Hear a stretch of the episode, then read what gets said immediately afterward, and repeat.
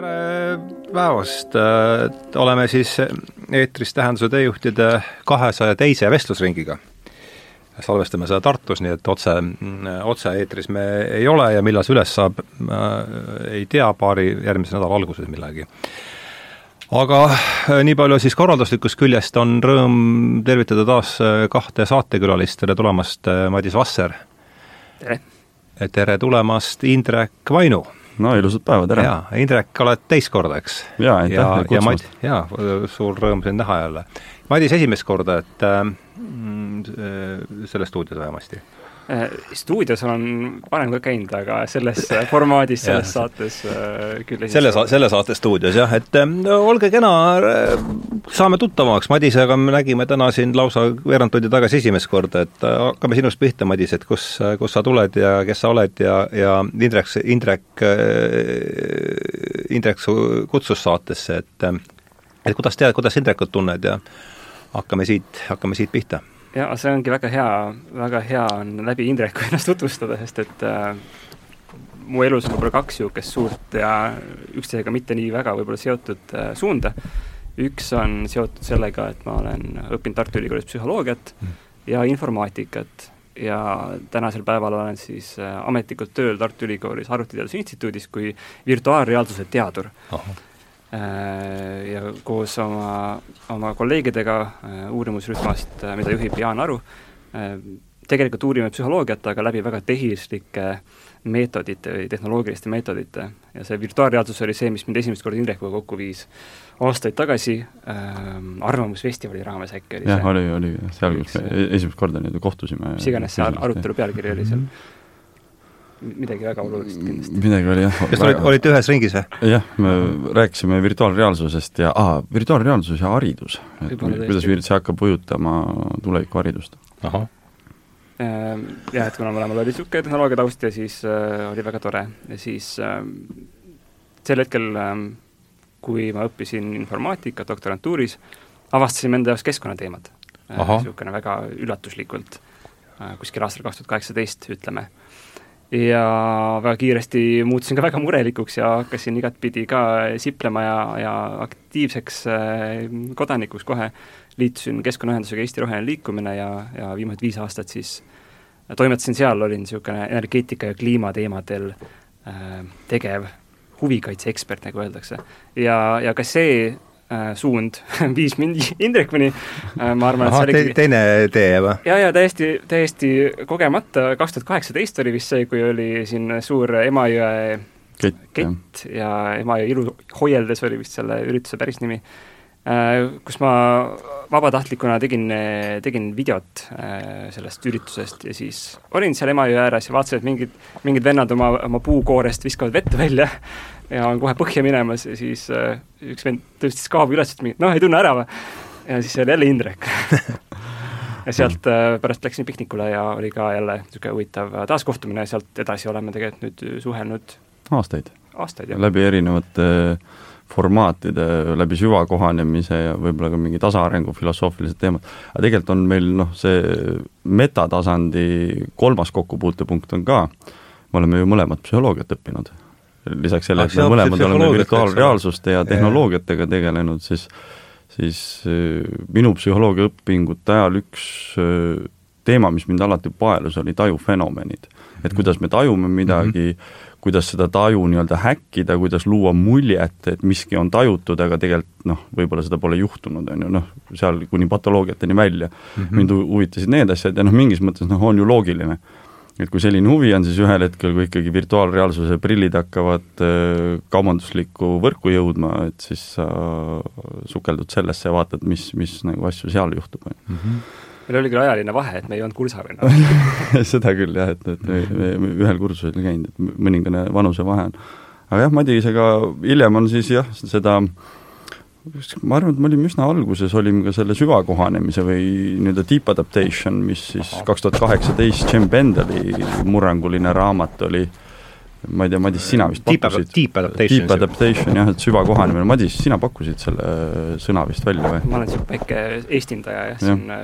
no, mär märksõnu, mis minuga veel seostuvad, ongi äh, lihttehnoloogiad, mis on low-tech eesti keeles, äh, tasaareng, mis on degrowth eesti keeles ja siis äh, võib-olla süvakohanemine, mis on siis deep adaptation ja, ja neid sõnu on veel tänases... kes oli selle, kes oli see nimi, kes on deep adaptationiga? Jem Bendel, et kui, kui nagu nüüd natuke siin nimesi loopida, me just enne, enne ukse taga tegime ju nalja, et et kuulates, Hardo, sinu varasemaid saateid, on ju, et siis mm -hmm. või, või vaadates, on ju, kuidas keegi et siis peaks nagu enam-vähem igas lauses vähemalt kaks viidet olema. no seda selle, selle prouale ei maksa era, eraldi, eraldi rõhku panna, aga aga, aga, no, aga siis... tõsi ta on, et siin nimesid ja raamatuid käib läbi, et eks see on ka üks eesmärk. et, et kui, kui nagu tegelikult see Jim Bendeli Deep Adaptation loetud saab nüüd äh, kuulajatel, et siis kohe võiks sinna et sellesse samasse paragrahvi plokki siis paigutada veel üks raamat, siis Jim Bendeli juunis vist ilmunud, äh, selle aasta juunis, kaks tuhat kakskümmend kolm juunis, äh, Breaking Together ja eesti keeles oleks see siis,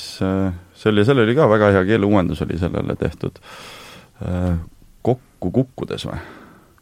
et noh, breaking together ja kokku kukkudes, on ju, et et selle mõte ei ole siis, et noh, et, et miski nagu läheb lõplikult katki, vaid et, et kui juba läheb katki, et lähme siis kõik koos.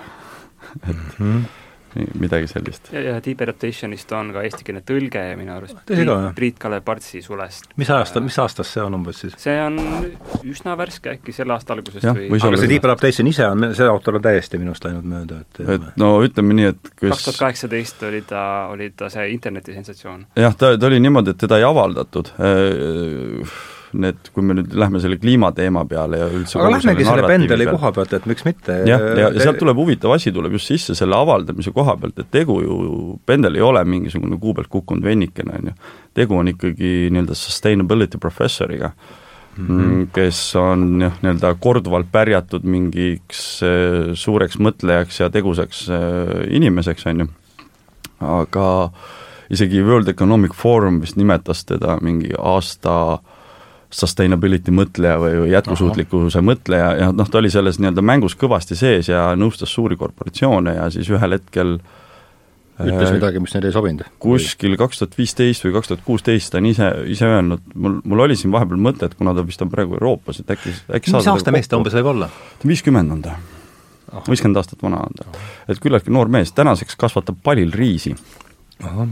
et äh, sai aru, et, äh, et et nagu nii-öelda Linkola sõnade järgi, et maailma lõpp on ära olnud, et nüüd on küsimus, et kuidas me inimeseks jääme, on ju, et mm -hmm. et see, et tal see deep adaptation'i ta kirjutas nagu ikkagi teadustöö, mida siis ei nõustutud avaldama või vähemalt mitte sellisel kujul, et see kriitika oli ikkagi päris tõsine sellisest äh, klassikalisest teaduskogukonnast tuli, tuli tema suunas ja noh, mis ta siis tegi, oli, et okei okay,, mis iganes, viskas üles selle lihtsalt. ja kuidas see tema see lööklause oli, et äh, laps on vältimatu äh,, häving on võimalik ja ei, ei, väljasuremine on võimalik. Häving on äh, kui laps on vältimatu äh,, häving on tõenäoline ja väljasuremine on võimalik yeah. või midagi niisugust mm.. no ja see oli, see oli siis kaks tuhat kaheksateist, kui ta seda välja käis, see oli siis nagu vähemalt selles, selles ajakirjas, kuhu ta seda pakkus, mis oligi nagu mingi sustainability science mm, -hmm. et seal äh, need siis äh, retsensendid leidsid, et no kuidas sa nii ütled umbes, et, et see, see ei ole nii, kuidas, see, me ei räägi nii nii ei tohi öelda. et see, see ei ole viisakas. vastavuses tea-, teadusliku tavaga või? ei no seal ei olnudki, asja iva oligi selles, et ta nagu, kuna ta oli professor, on ju, noh, siiamaani on, on ju, et, et siis see tema sõnum oli see, et et noh, asi ongi halvasti ja et ei ole mõtet nagu sugarcoat ida asju või noh, nii-öelda teha ilusamaks ja kuidagi mässida seda rohepakendisse Süsi, süsinikumängu mängida. just, süsiniku, rohelisemat süsinikumängu, et noh, et, et ähm, kui, kui minna sellesse, et, et näiteks Vilja, see William Catton Jr või, Overshoot, et Overshoot'iga noh, jällegi, kellel lugemata on see nüüd ei ole uus teos jah, mul tuleb see on nüüd uus teos jah, William, William Catton Jr. see on väga vana teos. väga, sellega minul oli minu jaoks uus ja sinu jaoks uus, aga võib-olla ka kuulajate jaoks uus, aga kes saab, siis lugegu, seda on ka tasuta. ütle, ütle autor palun uh,. William Catton Jr, G-ga, Catton mm. -hmm. Overshoot ja selle Overshoot'iga on nagu selles mõttes, vähemalt minu enda lugu on see, et kui ma hakkasin Overshoot'i lugema, siis mul kuidagi nagu oli niisugune tunne, et see Overshoot on kirjutatud kas kaks tuhat viisteist või midagi niisugust mm. -hmm. aga noh, ma lugesin teda nagu veidikene hiljem, äkki kaks tuhat kaheksateist. ja loen ja loen ja, ja noh, no mingi poole pealt tekib nagu mingi noh, midagi nagu ei klapi. ja võtan siis interneti lahti, et vaatan, et millal see raamat kirjutatud on või et mis värk selle Cattoniga on siis, on ju, tuli välja, et ta kaks tuhat viisteist suri ära. Raamatu kirjutas ta siis, kui mina sündisin, tuhat üheksasada kaheksakümmend. ah et, et noh, nii-öelda me räägime nagu raamatust, mis on, on sisuliselt nelikümmend kolm aastat tagasi kirjutatud ja, ja seal noh, meeldib või mitte, aga väga konkreetselt ikkagi Äh, on see paratamatus lahti kirjutatud, kuhu ütleme siis kapitalistlik turumajandus või, või kuidas iganes, tarbimisühiskond või noh, kuidas keegi tahab nimetada, kus ta teel on nüüd, kus on see maapiirid. et sa võib-olla tahad midagi lisada sellele? jah, Madis, ole, et ähm, raamatud jaa, no jah, me ilmselt nagu alguses võiks puudutada seda, et et need vanad raamatud on ju olnud kõik üsnagi nagu täppi, et alati mainitakse ka seda kasvupiiride raamatut mm -hmm. on ju aastast seitsekümmend kaks, kus mm -hmm. erinevad ähm, stsenaariumid olid siis nagu välja mudeldatud ja viiekümne aasta update äh, ütleb, et noh, me oleme ikkagi selle kõige halvemal äh, rajal ja noh, ja see rada nagu tolle seitsmekümne teise aasta arvutimudeli peal näitas, et noh, umbes kakskümmend, kakskümmend ja sealt edasi tuleb nagu see kurvi languse osa ja võib-olla me juba oleme siis selles ja. sees, on ju, ja ja mida Pendel siis nagu tõigi välja, oli see, et noh, et kui me nüüd ütleks, et nii ongi, et siin ei ole enam nagu seda kaarti vaja võimalik kuskilt äh, nagu varrukast välja tõmmata, aga äkki tuleb mingi lahendus et lahendust ei tule mm, -hmm. nii, ja kui me nüüd seda nii tunnistame, et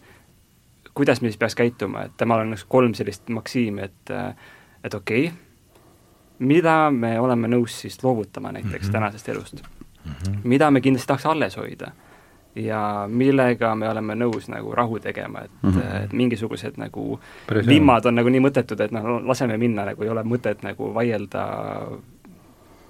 teema X üle enam. no see, see on natukene haakub, äh, Hardo, su eelmise saatega ka see noh, nii-öelda see äh, ma nimetan seda praegu siis nagu paradigma nihe või et mm, -hmm. et, mhm. et see, kas sa oled valmis loobuma mingitest nagu kultuurilistest, ühiskondlikest, majanduslikest, mis iganes uskumuslikest kontseptsioonidest, et okei okay,, oli nii, mõtlesime nii, noh, enam ei mõtle, no ütleme, kõige lihtsam näide on see, et et niisugune mõnisada aastat tagasi oleks olnud, et noh, keegi tegi midagi, ma maksan talle kätte, on ju, noh, ja siis noh, sellele ilmselgelt vägivald tekitab vägivalda, on ju, kättemaksust tuleb nagu veel rohkem vägivalda, on ju, see nagu kuhjub, on ju.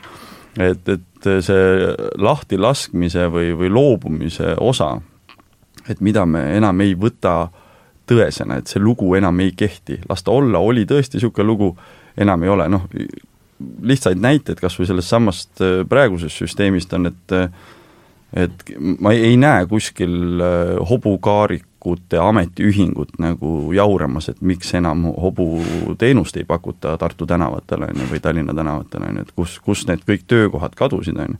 et sa, sarnaselt äh, tänases vormis võiks hakata mõtlema, et okei okay,, mida meil nagu vaja ei ole, et mul endal on sellest talvest, mis oli, väga võimas kogemus, kus oli meeletu lumetorm ja mul oli vaja Tallinnasse saada läksin, läksin ühte panka nõustama hommikul ja ma sain aru, et ma hommikul ei sõida ära, sest lihtsalt lund sadas nii palju öösel. ja ma hakkasin õhtul sõitma ja, ja sisuliselt kogu selle sõidu jooksul, mis ma Soomaalt nagu Tallinnasse tulin, äh, ei olnud öö, aga pime oli ja meeletu lumesadu. ma sõitsin väga aeglaselt ja noh, kogu aeg oli kotikas, noh täis kottpimedus, on ju, nähtavus ülihalb, ülivähe autosid liikus ja siis, kui ma jõudsin nagu Tallinnasse, siis oli noh, mitte ühtegi autot ei olnud. kõik oli nagu lumme mattunud, aga noh, see linn säras nagu noh, kaugelt nägid, et sa saabud linna ja noh, nii-öelda ütleme, mis mind nagu sel hetkel nagu vaimustas, ükskõik kas positiivselt või negatiivselt, oli see, et vau wow,, neil ikka veel tuled põlevad ja mitte keegi ei tarbi neid reklaame nagu kell üheksa õhtul täielikus lumetormis, on ju, et noh, et nagu ühtegi tarbijat sellele loole enam ei ole, aga näed, ikka tuled põlevad. ma pärast uurisin, et, et seal vist on kogu elektri tarbimisest kas äkki kolm protsenti on mingi mõttetu reklaamide valgustuse ja, ja mingite tühjade tänavate valgustamiseks, on ju, et noh, et okei okay,, see ei ole mingisugune päästevõti, on ju, aga noh, kui me hakkaksime mõtlema ühiskonnana nagu sellest kohast, et mis on tegelikult need asjad, mida me vajame ja mis on see, mida me tegelikult nagu mis me oleme nõus loovutama. mille me oleme nõus loovutama, mida meil on vaja alles jätta. päris head, aga asja, mis see kolmas oli? tegelikult kolmas oli see, et mida me tahame tagasi tuua. Äh, minevikust, mis on olnud nagu Aha, see on ka hea. kas või tehnoloogilises mõttes äh, nagu lahendused, mis on olnud enne fossiilkütuste mm -hmm. aega, või siis ka nagu jah, religioosses või spirituaalses mõttes, kuidas me oleme maailmaga varasemalt suhe-, suhestunud. ja tal, tal oli, seal oli, üks oli see hõimlus mm, -hmm. mida ta noh, nagu soovitas tagasi tuua. kogukondlikkus ja lokaalsus, ette, eks kogukondlikkus, lokaalsus, hõimlus ja, ja ka seesama, mida Madis siin enne mainis, see lihttehnoloogiad. et noh, et et oletame, et sul on vett vaja, ma toon jällegi oma elu näiteid, on ju, mul on vett vaja, mul on olemas kraan, mul on olemas segisti, mul on olemas pump. Jah, ma võiks võtta kraanist vett, aga ma lähen ikka võtan ämbriga. ja noh, tehnoloogiliselt on üsna suur erinevus, on ju, samas kui nagu ikkagi sisse suumida, siis see ämber on ka toodetud, on ju, et kui kogu see plekitööstus üheksateistkümnendal sajandil nagu hoo sisse sai, siis Eesti pärimuslik puutööndus noh, nagu kadus peaaegu täielikult, noh see kõrge tase, mis mm -hmm. nagu kas või siinsamas Tartu ERMis on vaadeldav, on ju, puuasjade näol, on ju, mida iga, iga, iga juss sai nagu oma äh, taluõue pingi peal nagu valmistada, on ju, see, see on kõik ju noh, sisuliselt kadunud või et noh, et sa punud mingi korvi, et noh, miks, on ju, et meil on ju poes on plastikämber olemas, mees, mine võta seda, on ju, aga noh, jällegi vastupidavus, kättesaadavus, noh, tegelik kättesaadavus on nagu ka alati küsimus mm. -hmm. no kena, me oleme, algus läks reipalt lahti, me siin juba veerand tundi koos olnud, et pole veel teematki tutvustanud, on vist saade, kus me kus me tutvustame teemat kõige hiljem, aga noh, mingil määral me hakkasime sellest juba rääkima, see on ka põhjus, miks ta siia hiljaks jäi, et et leppisime siis kokku, et räägime, räägime kliimast natukese teise nurga alt mm -hmm. ja ega me siin Madisega ootasime sind, Indrek, et siis tuli välja, et Madis, sa olid konsultant siis äh, Charles Eisensteini raamatul äh, ja noh, kui ma nüüd enda taustast räägin, et siis no mina istusin kakskümmend viis aastat turumajanduse noh, ma ei saaks öelda peakontoris, aga mingis kõrvalkontoris ja ja rääkisin, kuidas see turumajandus siis meil toimib ja no toimiski. no eks ta mingil määral ju toimis jah, aga, aga ütleme jah, et see, Eisenstein oli minu jaoks, ütleme, tema oli see, kes tõi minu jaoks selle teema üldse ekraanile, muidu oli ta ainult seal jaekaeva, jaekaubandusindeks ajas äh, mis nad seal kõik liikusid üks, üks ühele teisele, teisele poole, et et ole hea, räägi, kuivõrd see tuli, ja see oli niikuinii, ma panin saate, saate töö pealkirjaks, paningi Kliima uus lugu, et mis ta päris pealkirjaks jääb, ei, ei, ei tea, et Eisensteiniga ma olen nüüd siin omajagu kokku puutunud, teinud temaga kaks ühe intervjuu ja siis ähm, külalisloengu temaga salvestanud, et ole hea, räägi, räägi, Madis, et mis mul, mis mulle, sulle see raamat, sulle see raamat jättis ja mis, mis sa tast üldse arvad? et hakkame, hakkame sealt pihta, siis vaatame, kus see edasi läheb. jaa, ma täpsustan, et ma ei olnud siis Charles, Charlesile konsultant, vaid jaa, jaa, muidugi, eesti tõlk, jaa, jaa, vabandust, jaa, ma tolleks hetkeks, kui see raamat äh, tõlkimises oli, siis äh, ma olin juba töötanud ennast nii kõrgele üles selles ähm, keskkonna liikumises, et, äh, et minul usaldati vaadata, et kas need terminid on õigesti tõlgitud mm. -hmm. et see niisugune tehniline töö. Äh, selle käigus ma seda raamatut ka nagu pingsalt lugesin, tagasi mõtlen, siis ma nagu väga palju ei mäleta, sest ma ilmselt nagu otsisin sealt neid vigu ja, ja mõne leidsin ka, aga, aga ma sirvisin ta eile õhtul uuesti läbi. Ähm, ja need ideed on nagu tuttavad, et ma olen neid siin-seal Äh, ka teistes raamatutes kohanud ja et kui eelmine saade lõppes sellega, et mis oli kellegi ilmutus, et kuidas nemad üldse nagu, nende elu muutus, siis minu elu muutus kaks tuhat kaheksateist, kui mina lugesin raamatut Technofix uh,, Why technology won't save us or the ja. environment et niisugusele tehno peale, nagu ma olin tol hetkel mm, -hmm. mõjus see väga raputavalt. me tuleme enam-vähem samast nurgast siis ikkagi ja. just, jah. et ja see nagu ava-, vallandas Technofix, jah? Technofix. kes selle autor on uh,? Huesemann ja Huesemann kaks sellist äh, kaks väga, väga hea raamat. Äh, ütleme nii, et igasugustel tehnoutopistidel kuidas sa kirjutad autorid, mis, kuidas see Huesemann. ongi Huesemann. Hughesman on vist see viisakas äh, hääldus sellele. aga, aga ütleme nii, et, et kui kellelgi on veel mingi, et, et patareiga päästame maailma ja homme põrutame Marsile nagu fantaasiad, on ju, et siis Tehnofix ikkagi tõmbab igasuguse sellekohase utopistliku nagu maailmavaatele nagu kriipsu peale. et stiilis mingit äh, USB pesa uue standardi väljatöötamist ja, ja noh, veel paremaid akutehnoloogiaid välja mõeldes, noh. no see on see, et ühe masinaga lahendame teise masina tekitatud probleemi. jah, et see ei ole võimalik, on ju, et või noh, kui siis väga, väga kitsas ulatuses ja ta ei lahenda nagu seda põhiprobleemi ja noh, ma praegu ei ütle põhiprobleemi välja, aga noh, põhiprobleemi me ei lahenda tehnoloogiaga. no põhiprobleem on minu arust, kui ma tohin pakkuda oma nägemist, et siis see ongi seesama tehnokraatlik, tehnokraatlik elukorraldus on see üks võimalus seda asja, asja nimetada, aga aga, aga, aga ole hea, Madis, jätka seal veel selle koha pealt, kus ja siis jah, et see, see minu lugu on siis see, kuidas ma lugesin seda Tehnofixi raamatut, see oli väga veenev, äh, kõik minu unistused äh, ilusast äh, tulevikust purunesid ja, ja ma jätkasin oma lugemisrada väga seinast seina kirjandusega. aga see oli siis see sinu ärataja? see oli kindlasti see, see maamiin, mille otsa ma kõigepealt astusin mm. -hmm. ja sealt edasi nagu jõudsin ka väga kiiresti selleni, et okei okay,, et, et see ei ole lihtsalt nagu mingi tehniline küsimus siin, see ongi väga poliitiline, väga nagu süsteemne mm -hmm, äh, yeah. kriis meil yeah. ja mulle nagu selles kirjanduse meres nagu kuidagi torkas silma see degrowth või tasaareng, mis ütleb, et et kui tänane nagu niisugune põhiline narratiiv on see, et me siis kasvame sellest jamast välja mm -hmm. veel suuremaks, äh, et siis degrowth ütles, et ei, me peame täiesti risti vastupidises suunas minema ja tegema seda kuidagi väga kompleksselt Ehm, ja see eestindatud siis tasaareng, miks ta mulle sümpaatne oli, on just sellepärast, et kõik need raamatud, mis sellel teemal kirjutatud on, pool raamatust nagu on selleks, et kritiseerida olemasolevat süsteemi. et ma olen selle nagu kooli hästi põhjalikult läbi teinud, et mis siis täna kõik halvasti ja valesti on ja mis võiks olla paremini mm. -hmm. ja noh, ja sealt all kuskil on alati see, see, see uus lugu ka, et me peaks üldse ja üldse nagu vaatama, kuidas me, kuidas me asjadest räägime, see on see, miks mulle eestindada meeldib asju, et me räägiks mm -hmm. asjadest eesti keeles Just. ja leiaks need märksõnad või terminid, mis päriselt ütlevad seda, mida me tahame, et need asjad ütleksid, et otsetõlked on sageli väga halvad mm. -hmm.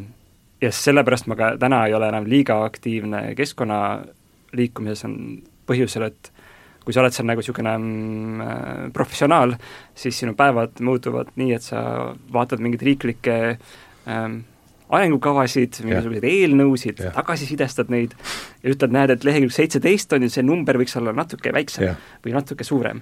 aga sa oled aga samal ajal ima, imatakse sellesse vanasse loosse sisse. samal ajal sa saad aru, et kogu see dokument on ja. täielik jama. aga ja. sa ei saa seda minna ütlema kuhugi ministeeriumisse, sest noh, sellise jutu jaoks ei ole kõrvu. seda hedagi ei kuulda. see oli kusjuures, ma siit jällegi on hea mul hüpata nagu oma elulise näitega vahele, et et eile, et et äh, eile vist õhtul ma olin natuke kelmikas tujus ja siis tegin väikse tiiru Facebookis. Äh, võtsin, võtsin äh, vaevaks norida akadeemikutega niisugune lõbu, lõbustus, õhtune väike lõbustus, kui, kui mõnikord nagu tuleb tahtmist vaadata, mis seal toimub, et siis et üks akadeemik rääkis sellest, kuidas ikkagi Green Deal, siis Euroopa see nii-öelda rohelepe, on noh, et, et seal on puuduseid, seal on nii-öelda möödavaatamise, kõik, kõik see, on ju, aga et see on üleminekuprotsess.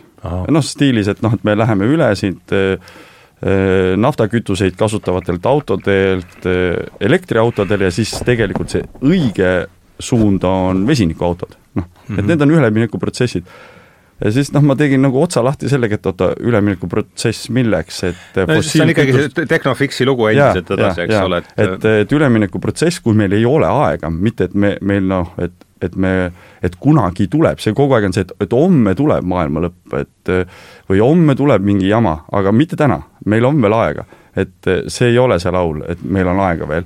et ja siis ma küsisin akadeemi-, lugupeetud akadeemiku käest, et oota, üleminekuprotsess millele? et fossiilkütuste põhiselt majanduselt nagu väljasuremisele või? noh, see muidugi noh, ei, ei meeldinud, see tõmbas nagu sae korralikult käima. aga, aga noh, tegelik küsimus on, et et mida nagu inimkond nagu tahab teadvustada, kui me räägime nagu nii-öelda kliima uuest loost, siis see kliima, CO2, kogu see nii-öelda triangel, mis sinna külge on ehitatud, see on lihtsalt nagu noh, smoke and mirrors öeldakse inglise keeles, on ju. et see on see, millega juhtida tähelepanu veidike nagu kõrvale sellelt, mis on nagu tõ-, põhiteema ja kui me nüüd noh, uuesti ma proovin võtta nagu, ma, ma, ma lähenen põhiteemale, aga ma, ma ei, ei ütle seda kohe välja.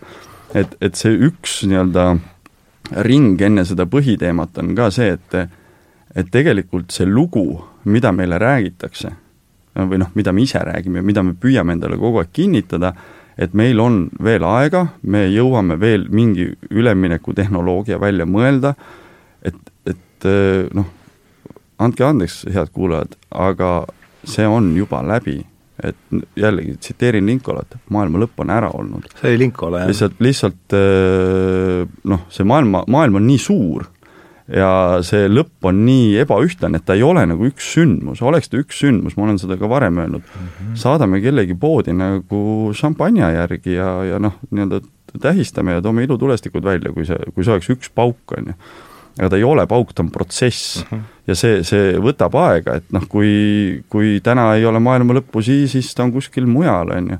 et noh, näiteks eile Kreekas sadas kahekümne nelja tunniga alla tuhat millimeetrit nagu vett, see on meeter wow. ühes ööpäevas, see on mingi mõne piirkonna kahe-kolme aasta kogu vee vihmasadu. kus see oli? see oli Kreekas, kas äkki kuskilt Thessalokiinia kandis või no igatahes noh, asi juhtus, tuhat millimeetrit, see on meeter, inimesed. ma vaatasin ülelennupilte, eh, ainult katused paistsid, aga inimesi oh. ei paistnud, noh vaata näiteks kui oli orkaan Katrina USA-s, on ju, siis inimesed kükitasid seal katusel, on ju, ja noh, nii-öelda mõni seal isegi nagu grillis ja jõi õlle, kes oli paremini preppinud, on ju, mõni nagu vehkis kätega. aga, aga olid katused, oli vesi aga inimesi ei olnud, noh, ma, ma ei ole rohkem seda uudist nagu jälginud tänase päeva jooksul, aga hommikul selline pilt jooksis minu nii-öelda voost läbi. et, et see kas see on meil kusagilt äh, esikantelt ka läbi käinud või praegu, praegu ma ei ole mis... täna, tänaseid Eesti uudiseid vaadanud, nii et ma hommikul, mul on niisugune see peaks ju seda väärt, seda väärt uudis olema küll, et mis no vast ikka, jah. Et ja ma võin selle, seda maailma lõppu öelda täiesti teistmoodi, palju kuivemalt, aga põhimõtteliselt samamoodi, et äh, oma päevatöös, kui ma veel olin seal äh, keskkonnaühendustes väga aktiivne, ikka loed raporteid ja, ja ÜRO teeb väga palju erinevaid raporteid, üks neil on iga-aastane, on niisugune äh, emissions gap report, report, mis ütleb, et kus me peaksime olema oma kliimategevustes ja kus me oleme mm. -hmm. ja igal aastal see läheb järjest nagu süngematesse toonidesse ja seal oli nagu noh, mõned aastad tagasi oli niisugune nagu tore graafik, mis ütlesid, et me saame selle kõik veel ära hoida, kui me vähendame oma heitmeid seitse koma kuus protsenti aastas.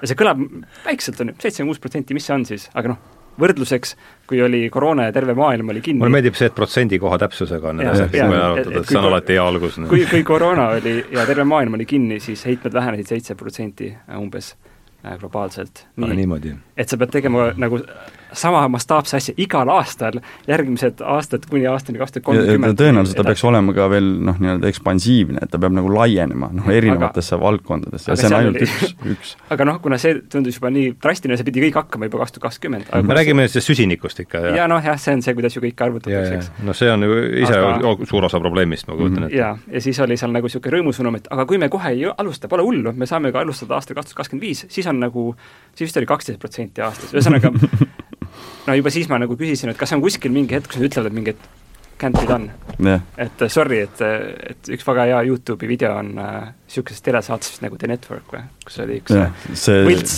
võlts niisugune intervjuu telesaates või uudistesaatesse, kus see on väga hea. spetsialist siis oli mulle The Network The Network see... on ja see on siis climate, climate scientist uh, drops the mic või midagi niisugust. midagi niisugust, aga seal on väga ilus lause. see on see, see on need otsingusõnad, The Network jah, ja Climate Scientist, ma arvan, sellest piisab. seal on see tore hetk, kus äh, Ankur küsib, et kas te ütlete, et olukord on halb, siis äh, siis saatekõneleja ütleb, et noh, et kui su kui see maja põleb, siis on olukord halb, kui see maja on maha põlenud, siis olukord on läbi.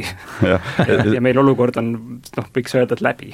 ja seal oli see teine, et kas me saaksime midagi teha, siis see teadlane ütleb, et jah, saaksime küll.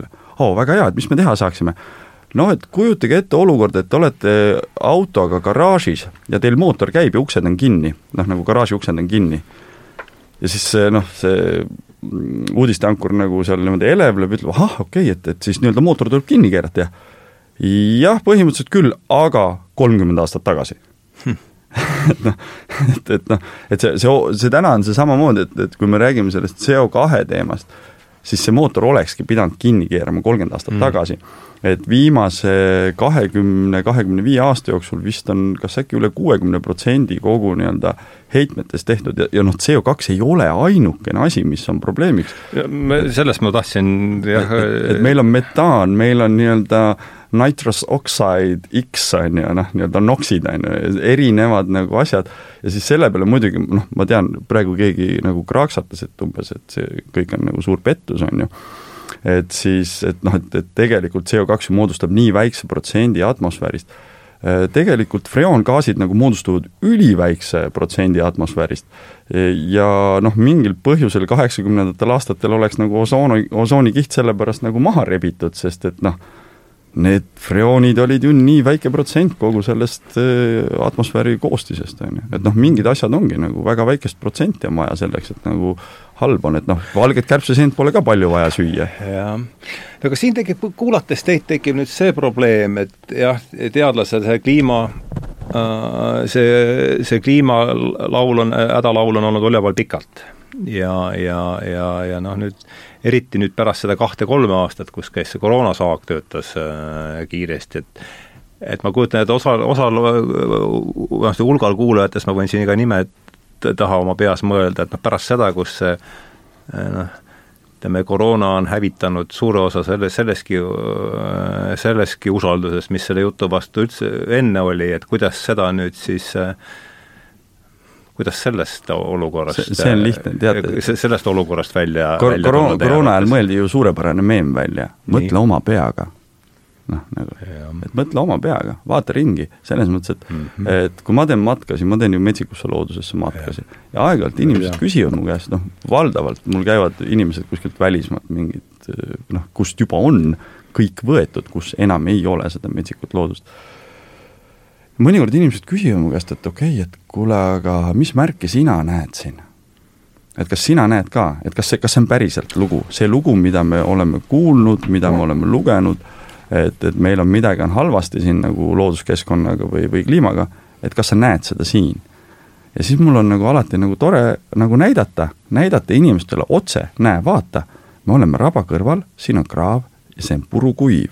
näe, vaata, siin oli see, enam ei ole. Et eh, või noh, näiteks linnud, palju käib ju ka igasuguseid linnuhuvilisi, loodushuvilisi, saad näidata linde, keda enne siin ei olnud, näiteks noh, hõbehaigur viisteist aastat tagasi, totaalne nagu rariteet Eestis, nüüd pesitseb nagu, nagu kolooniatega siin, et noh, et või et, või noh, ma ei tea, jäälind on ju, kakskümmend viis aastat tagasi oli ta seal Lõuna-Eestis, Soomaal oli ta võib-olla üks põhjapoolsemaid kohtasid, on ju. Mine sõida nüüd Põhja-Eestisse, mine vaata nagu Valgejões või kuskil noh, vahi seda jäälindu palju tahad, et noh. Ja et minagi ta, nägin teda, jah. jah, et ta noh, et need, need on ju märgid või siis seesama, et näiteks viimase viie aasta jooksul Eestis on aga need on nüüd märgid millest? et need on, need on need empiirilised märgid, et noh, et kui sul ja empiirilised tuleb, märgid, aga, aga empiirilised märgid millest? et sa saad vaadelda näiteks seda, et noh, kui keegi ütleb, et ütleme, et soojemaks pole läinud mm -hmm., noh, oletame, et ei ole soojemaks läinud või et see kõik on mingisugune, ma ei tea, mingite reptiloidide maailmavalitsusplaan, on ju, kuidas meid nagu orjastada ja noh, mida iganes, on ju võib-olla ongi, aga noh, nagu jätame selle osa ka kohe ei saaks kõrvale, ei, ei, ei tihka seda ka kõrvale visata. noh, teadlase ja ratsionaalse mõtlejana noh, jätaks selle ka variandi veel yeah. nagu igaks juhuks käibele, noh sa-, samamoodi nagu variant, et üks päev tulevad tulnukad ja päästavad meid ära, on ju, sest et ilmselgelt inimkond noh, ei saaks öelda, et ei ole midagi teinud, vastupidi. isemesid vist küll välja ei rabele. inimkond on väga palju teinud selleks, et asi veel hullemaks läheks, on ju et võib-olla see kõik on see simulatsioon, kõik on see, jah, äkki see on kõik virtuaalne reaalsus. päästemaate on väga palju kuhugi. et lihtsalt tehakse nagu humanity kaks punkt null, on ju, installitakse peale ja kõik läheb jälle ilusaks tagasi, on ju. et olemegi kuskil seal maatriksi kapslis, on ju. aga, aga kui me nagu mõtleme seda, et näiteks noh, Eestis vist viimase viie-kuue aasta jooksul on leitud kolm uut kiililiiki, mida siin varasemalt ei olnud, noh tähendab, kuskilt nad pidid tulema, Kiil on sada kuuskümmend miljonit aastat vana disainiga nagu eh, evolutsiooniline kangelane, on ju, sada kuuskümmend miljonit, on ju, et noh, ta suudab eh, aastas, suuremad kiilid suudavad oma elu jooksul, mitte aastas, vaid elu jooksul näiteks sada kilomeetrit läbida, tähendab, ta suudab migreeruda. puud ei suuda oma elu jooksul nagu sadat kilomeetrit mm. nagu läbida. saetakse kiiresti maha. et, et see see, see maailm, mida me saame nagu ise jälgida, mida me saame näha, mis muutused on toimunud, on ju, see, see on nähtav, on ju, siis muidugi jälle, kui ma kuulen kuskil seal kodus keegi hüüdis, et no selleks aga, see, see eeldab ikkagi loodusesse minekut linnas. see eeldab loodusesse, absoluutselt, see, see eeldab näe, mitte, mitte lihtsalt loodusesse minekut, vaid see eeldab seda, et sa ei, ei vaatle maailma nii-öelda antropotsentriliselt, et sa ei mhm. vaata inimese keskselt seda, vaid sa vaatad kogu maailma nagu loodus vaatab loodust. see tähendab, sa loobud hinnangutest, sa oled ise loodus, kes vaatleb iseennast, on ju. ja, ja siis sa hakkad nägema neid muutusi, sa näed seda näiteks, noh, võtame sellesama, minu elu jooksul on rahvastiku arv kahekordistunud, sisuliselt nelja miljardi pealt on tulnud kaheksa miljardi peale, mis tähendab seda, et saage aru, elupaikade kadu on ju see, et kuhu sa mhm. paned need, see, see kaheksa miljardit inimest, kellel on kõik nagu päris suured tahtmised, on ju, isegi kui ta seal ei kuulu selle nii-öelda maailma rahvastiku kümne protsendi hulka, siis nad ikkagi päris palju nagu vajavad ressursse. tahavad kiilist ikka rohkem süüa. jah, on ju, et noh, kiil saab mingite putukatega hakkama. no, aga kui su küsimus oli, et kuidas sellest rääkida, äh, kas üldse on mõtet rääkida või kas keegi kuulab, siis kui mina olin äh, veel no ma, ma, ma lihtsalt arvan, et see Kroonu jutu vastu on lihtsalt usaldus on nii, see oli enne õrn ja noh, oma no,, et pärast seda kahte-kolme aastat on see lausa niisugune kliima, kliimajutt on olnud ajalooliselt niisugune, mida keegi ei taha kuulda või keegi ei oska rääkida, et mina oma huvikaitsepäevil nagu väga kiiresti enam ei käinud nendel koolitustel, mis lubasid õpetada, kuidas rääkida kliimast, sest mm -hmm. minu arust keegi ei oska ja. väga hästi rääkida ja. kliimast, nii et inimesed aru saaks äh, või noh, et sa võid neid äh, loetakse ka mingi kontorikeelset teksti terve päev ette, eks. laduda sinna, no mitte kedagi ei huvita. Äh, seda on ka uuringud näidanud, et Eesti inimeste jaoks nagu kliimateema on no, vaevu üldse mingi teema mm.. Siis noh, Charles Eisenstein ja teised üritavad nagu leida mingeid uusi nurki, on ju, kuidas mm -hmm. me sellest võiks rääkida Just. ja minu arust nagu huvitav nüüd on see, mida on ka, ka teaduskirjanduses olnud, et et paistab, et nagu need keskkonnaaktivistid ka nagu vaikselt liiguvad oma narratiivis sellelt, et siiamaani oli niimoodi, et me räägime niisugusest post-ap-, pre-apokalüptilisest olukorrast, et me peame tegema nii, muidu läheb hästi halvasti mm. -hmm. et me jõuame sinna, et meil on juba post-apokalüptiline narratiiv, on ju, et läheb halvasti aga mis me saame teha või, või kuidas me peaks sellega, sellega suhestuma, et see on see, mis nagu hetkel mind rohkem paelub, et ma ei viitsi enam vaielda inimestega, kas kliima muutub, no see ei ole noh, ja Eesti nagu peavoolumeedias see nagu siiamaani nagu ikkagi tehakse faktiuuring või nagu fakti tšekke, et kas siis on läinud soojemaks, no Mingi. küll ta, küll ta läheb, aga küsimus ei, on juba kaks koma kolm kraadi läinud. kuidas see meid mõjutab ja, ja see nagu peavoolu narratiiv on siis lahendanud nagu siiamaani neid nagu ebatõhusaid meetmeid sellega, et, et eesmärk on nagu edasi lükatud, et ma kunagi tegin niisuguse toreda ülevaate, et kõik need kliimakohtumised, mis on olnud siin juba riburada pidi kahekümne seitsmes, kaheksas, mitmes nüüd tuleb, et kuidas seal nagu neid eesmärke on niimoodi muditud, et alguses oli, et okei okay,, et vaatame, et ei tõuseks heitmed kõrgemaks, okei okay,, vaatame, et nad püsiks samal tasemel, okei okay,, see ei õnnestunud, no teeme nii, et, et natuke vähendame, okei okay,, see ei õnnestunud, paneme kraadi mingisuguse, et üks koma viis, okei okay,, see juba on nagu metsas on ju, äkki kaks.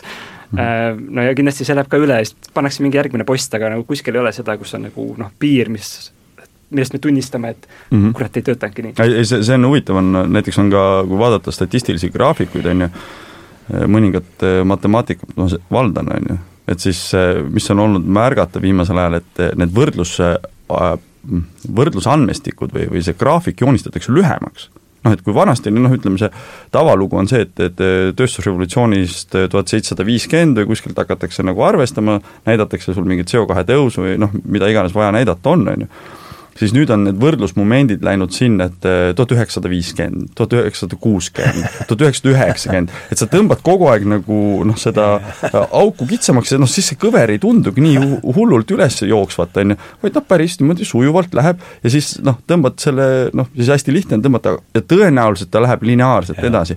ja no mis on nagu viimase aja niisugune eh, ütleme siis sellistes ringkondades, kus, kus, kus nagu ma oma nii-öelda lugemust äh, laiendan, on niisugune viimase aja põhimeem nali on nagu, et faster than expected, nagu kiiremini kui oodatud, on ju. ja, ja see on nagu bingo, mida mängida, avad, avad lehed ja vaatad mm. et noh, et mis, mis, mis jõuab kätte kiiremini, kui algselt oodati, nii-öelda mul tuleb meelde, Madis, sa, sa oled noorem, kas sul ajakiri Pikker tuleb sulle ette või? ma olen kuulnud sellest jah, seal oli vaata see, mis sa rääkisid, et, et seda üks põhiliselt retooriline või propagandistlik võte oli ju see, et äh, näiteks terase toodang Tsaari-Venemaal tuhat üheksasada kolmteist oli siis sihukene ja, ja Nõukogude Venemaal tuhat üheksasada seitsekümmend sihuke post ja noh, kõik, kõik käis selle peal, Tsaari-Venemaa tuhat üheksasada kolmteist ja Nõukogude Liit ja siis Pikris oli niisugune rubriik nagu Kirju kera, vist olid uudised välismaalt mm -hmm. ja seal oli siis niisugune uudis, et Ukrainas elab kana Maša, kes muneb päevas äh, mingi kuus miljardit muna et mis on rohkem kui tervelt Tsaari-Venemaal tuhat üheksasada kolmteist ja ja ühtlasi ka rohkem kui tegelikult.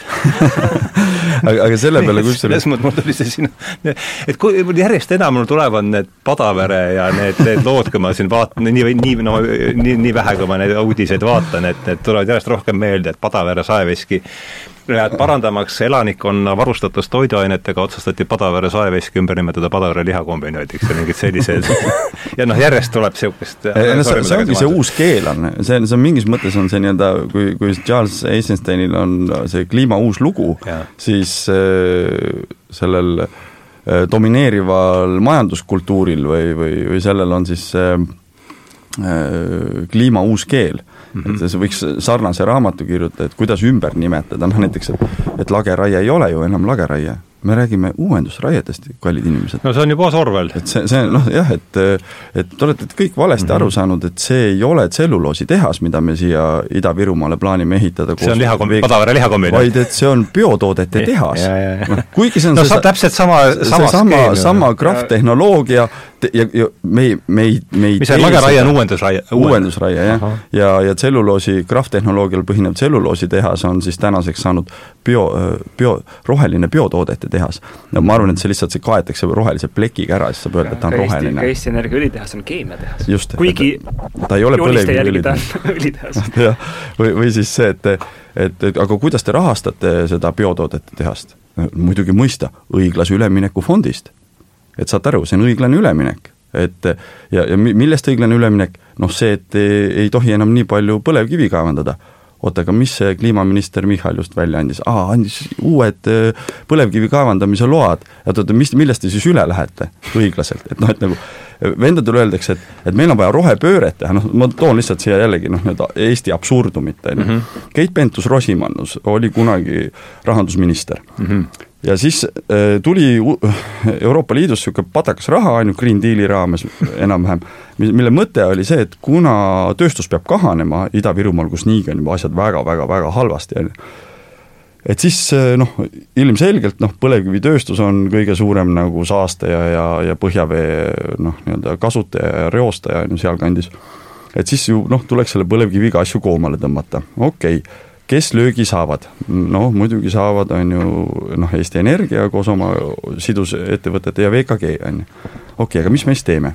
meil on siin nagu raha, rohe, roheraha mm, -hmm. ja seda roheraha tuleks kasutada õiglaseks üleminekuks, selleks, et tööstus väljuks oma varasematest ärimudelitest ja et kõik oleks ilus ja nunnu, on ju ei tea kus, ei tea kuidas, ei tea millises protokollis, millisel koosolekul, millise auto tagaistmel, on ju, lepiti kokku, et noh, enamus sellest rahast, umbes mingisugune sada pluss äh, miljonit ja veel natukene peale, on ju, selle võiks kõik lükata ju VKG-le, et ehitada roheline biotoodete tehas, sest saate ju aru, põlevkivist tuleb loobuda, nad ei saa ju enam nii palju kaevandada.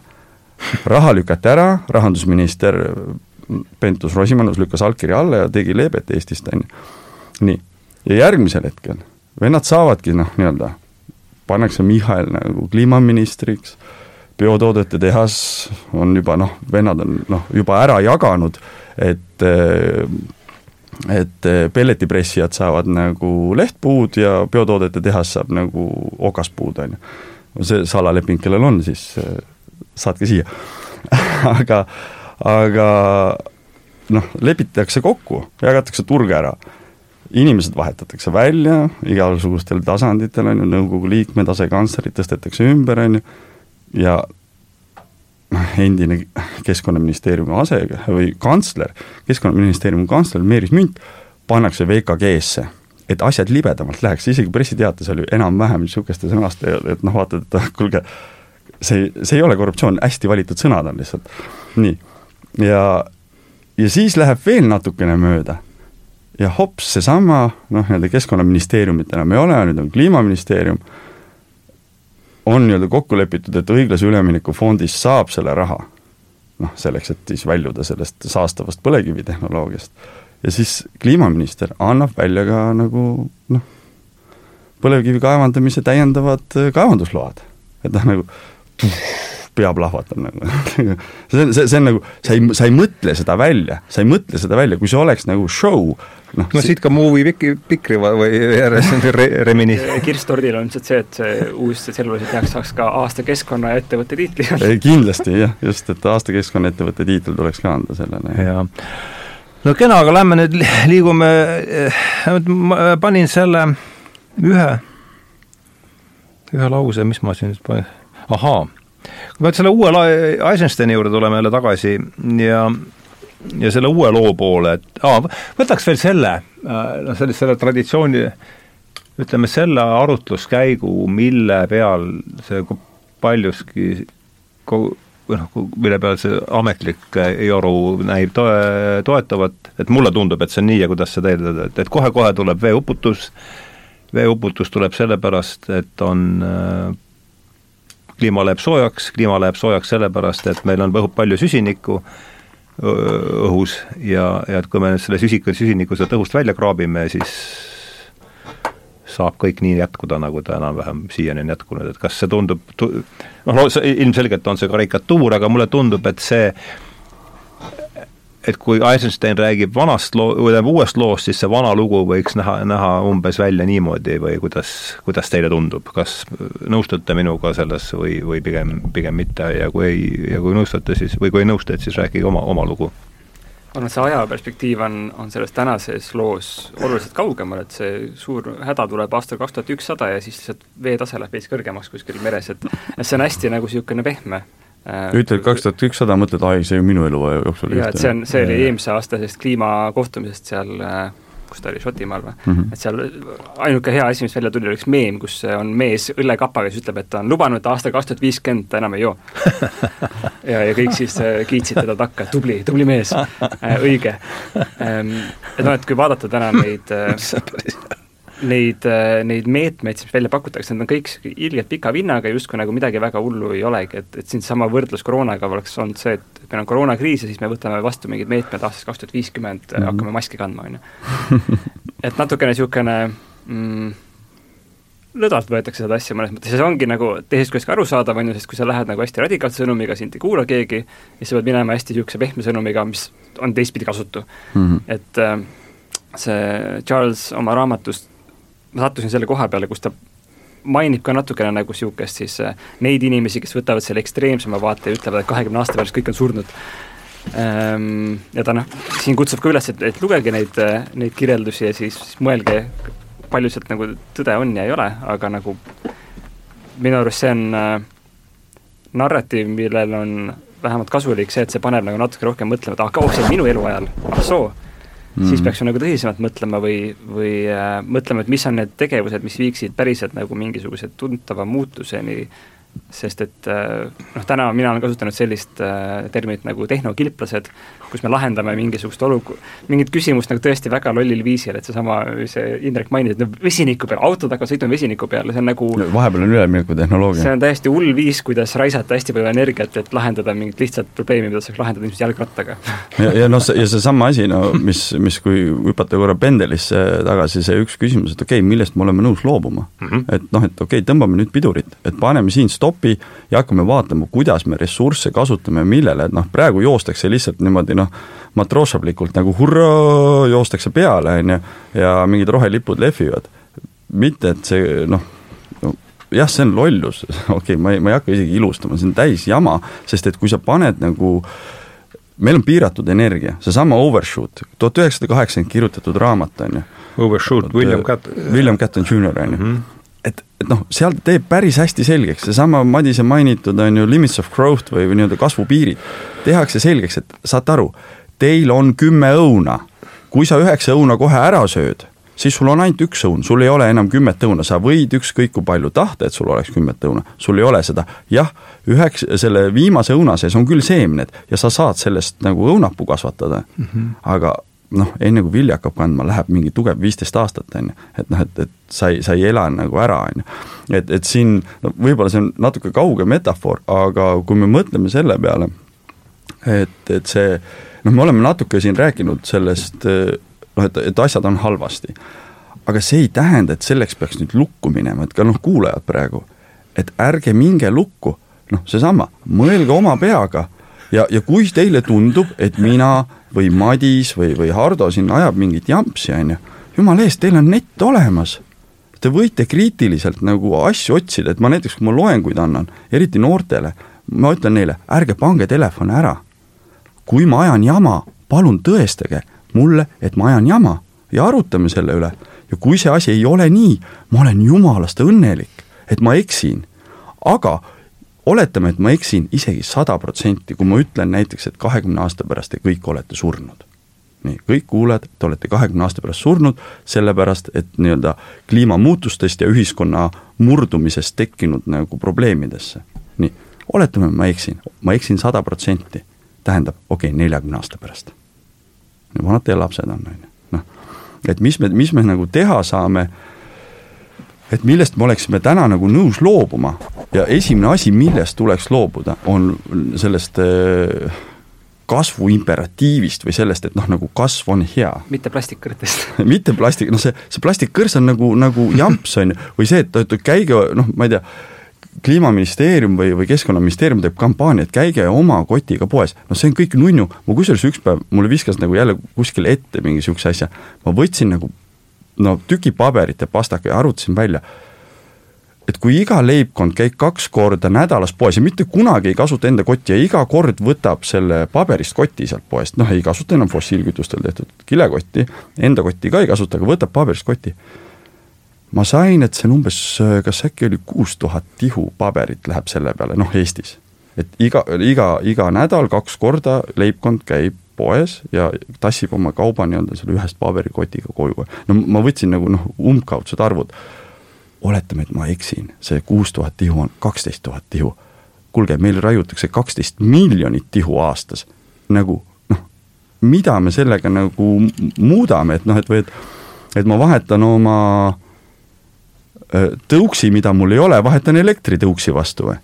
või, või noh, et nagu noh, need nagu absurdikad on, on ju, et et, et küsimus ei ole näiteks autos või, või noh, nii-öelda bensiiniga autos või elektriga autos, vaid küsimus on ju liikuvuses. Inimene tahab kuhugi saada, aga miks tal on vaja kuhugi saada, miks ta ei saa lokaalselt oma asju noh, nii-öelda ära elatud, on ju. et siin on äh, mingis mõttes on selles ühiskondlikus suures narratiivis, nii-öelda domineerivas majandusloos, on mingi nii suur error sees, mis kogu aeg taastoodab hävingut ja taastoodab mm -hmm. inimestele ja. hävitavaid mõttemudeleid ja, ja see, ja siis ongi see, et noh, mida ma näiteks, kui ma metsa elama läksin, esimesel kahel talvel, ma nüüd räägin jällegi enda kogemused, näidata seda, mis ma avastasin, et minu olemise keerukus talvel ei olnud seotud minu füüsilisusega, vaid minu noh, nii-öelda mõttemaailmaga. ma ei osanud olla paigal.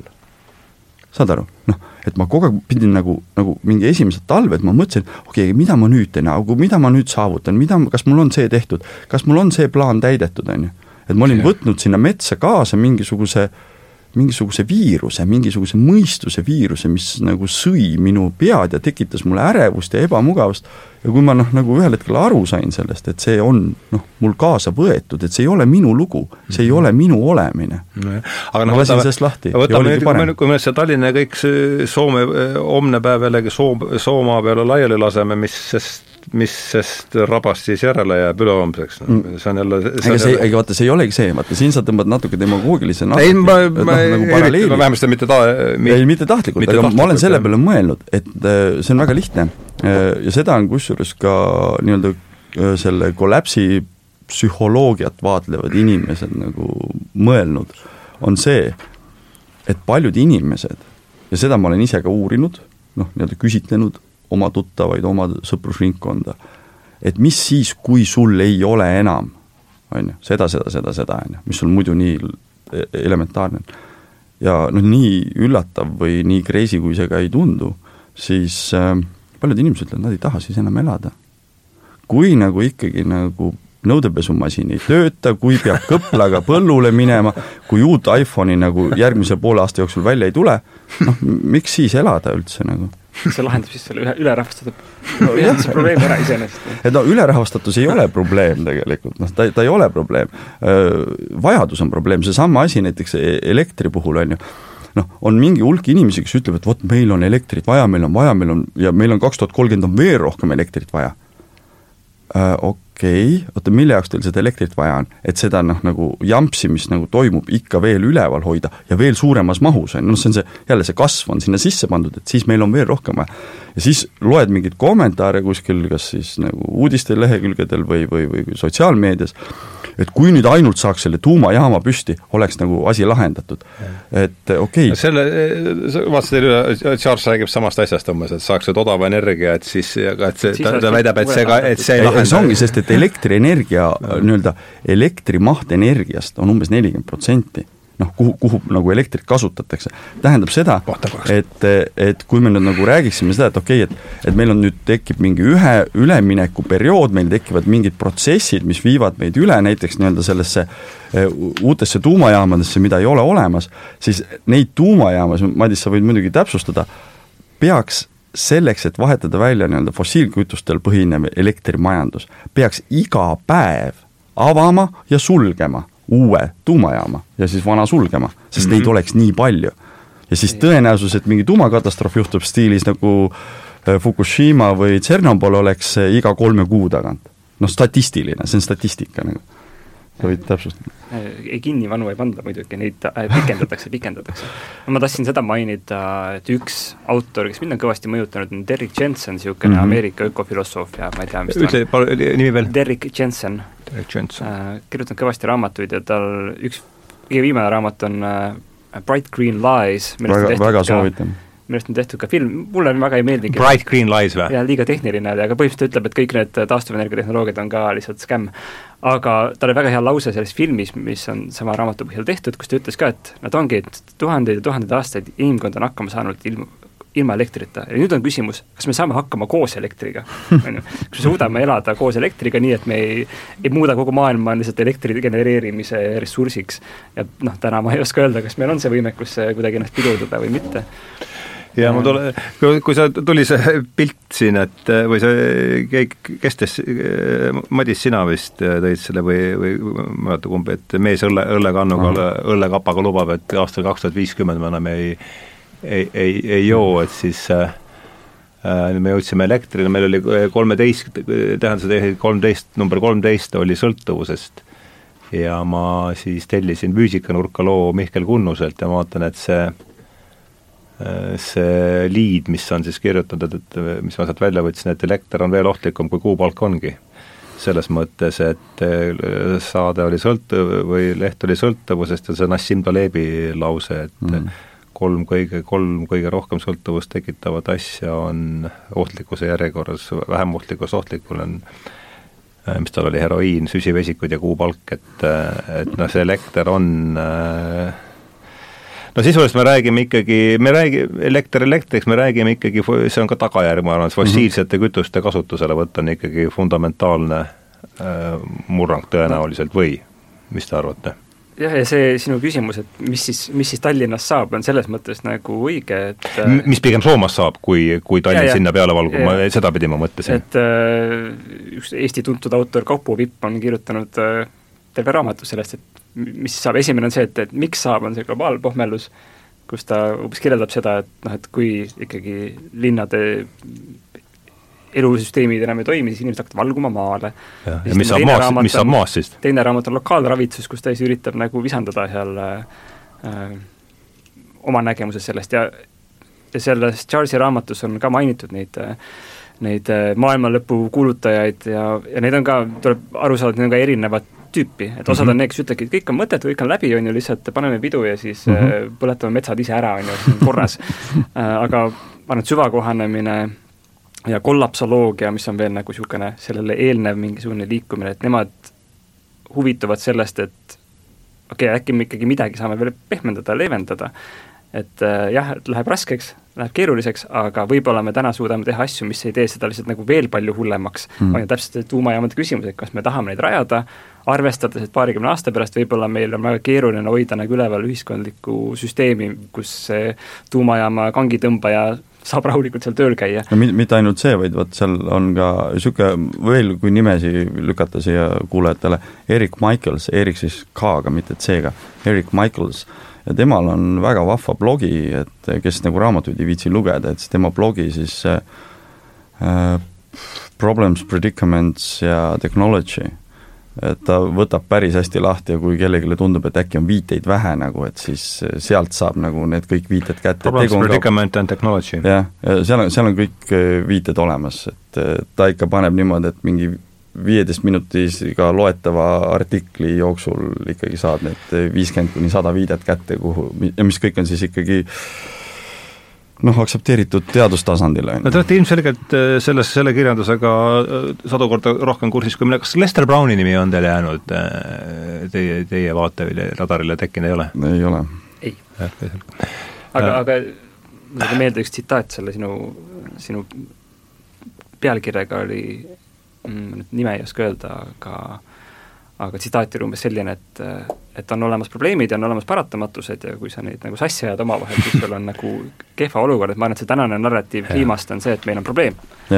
ja uus narratiiv kliimast on see, et meil on paratamatus, millega me saame kas elada paremini või halvemini mm. -hmm. ja noh, aga kui me seda ei tunnista, siis me lahendame mingit probleemi, mida me ei suuda lahendada oma väikeste inimestena, me ei suuda teha geoinseneeriat, mis on ka seal äh, Charlesi raamatus, või isegi kui me suudaks seda teha, see oleks nii ebaeetiline mm, -hmm. äh, seda ei tohiks teha, mis tähendab, et me peame mõtlema siiski selle kohanemise peale ja miks süvakohanemine erineb tavakohanemisest, ongi täpselt sellepärast, et äh, see, millega kohanetakse, on mastaapide võrra mm -hmm. suurem nagu kategoori, kategooriliselt teine asi. et sa, see süvakohaneja ei muretse nagu sellest, et tal äkki üks päev nõudepesumasinat ei ole?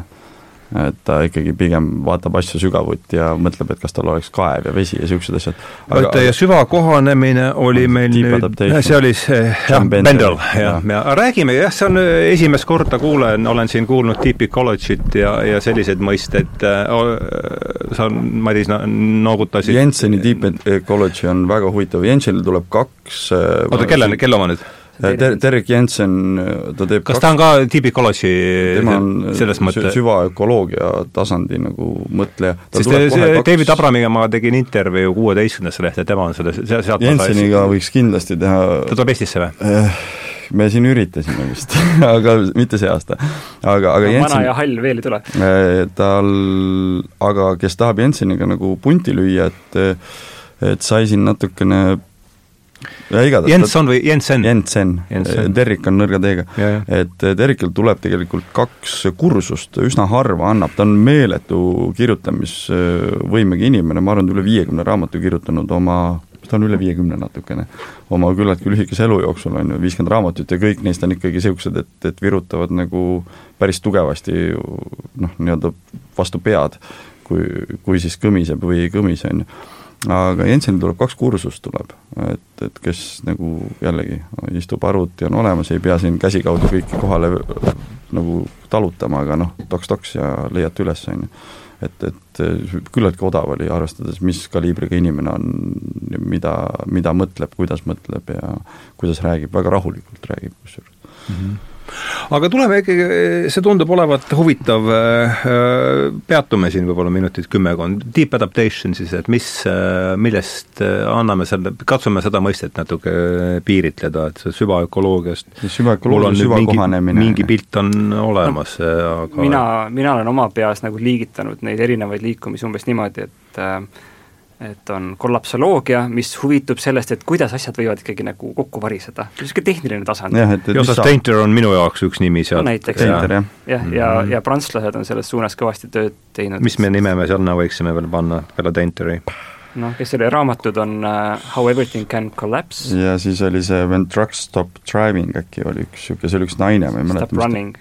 jah, When the truck stop When... running, stiilis, et kolm nädalat pärast seda, kui Alice, keegi Alice. When truck stops running, jah. jah, see üks, üks, üks hea saade on Jensen ja see Alice nagu räägivad ja siis mingi kuskil viieteistkümnendal minutil nagu mõlemad nutavad nagu kõva häälega nagu raadios, sest nad jällegi saavad nagu noh, omavahel suheldes saavad aru, et nagu ah oh, et noh, et see, see, selles mõttes on kõik, on see ohtlik kraam, sest et siin võib tekkida äh, kui panna siia nimesi juurde, siis ähm, Kubler-Rossi Five Stages of Grief või ja. siis selles edasiarendus Five Stages of Climate Grief, on ju, et see tasuks nagu niimoodi taskurätipakika kõrvale võtta, on ju aga mul ongi, mul ongi siin terve pakett, on ju, kõigepealt äh, loen kollapsoloogiat, et kuidas kõik saab äh, nagu pekki minna ja ilmselt läheb.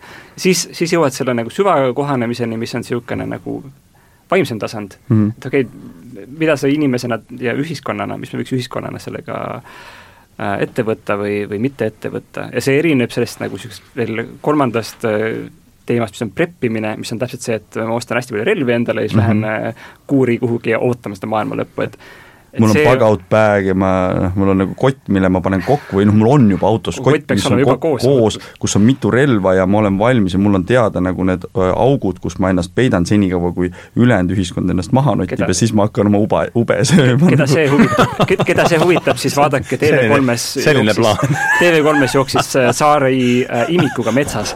seal, seal on tseen, kuidas see, see peategelane näitab oma, oma džiibis, kus tal kõik relvad on äh, ühesõnaga, et see on jah, seal on kollapsoloogia, seal on äh, süvakohanemine, prepperlus, prepperlus, ähm, et need on nagu niisugused äh, noh, iga, igaüks leiab selle endale, endale oma, minu arust see nagu kollapsoloogia ja süvakohanemise kombo on nagu niisugune päris hea, et ja noh, meil on Indrekuga mõnikord mingisugused äh, ühised vestlused ja meil on nagu kaks vestlust, on ju, üks on see, mis on nagu pigem süvakohanemine, teine on pigem see kollapsoloogia. Yeah.. ja me valime ja inimesed ise valivad, kummast nad on, sest et mõni inimene ei taha rohkem, ta, ta on juba veendunud, et asjad on halvasti, ei ole vaja. meil ei ole vaja rohkem peale, nii-öelda kollapsi pole rohkem vaja peale teha, on ju niimoodi, et, et noh, et et, et mõni selleks, et hoida ennast ütleme siis kainena või noh, depressioonist väljas või, või nii-öelda sõltuvusahelast väljas, on ju, ei, ei taha sellesse suhestuda, sest et seal ongi just seesama, see Kübler-Rossi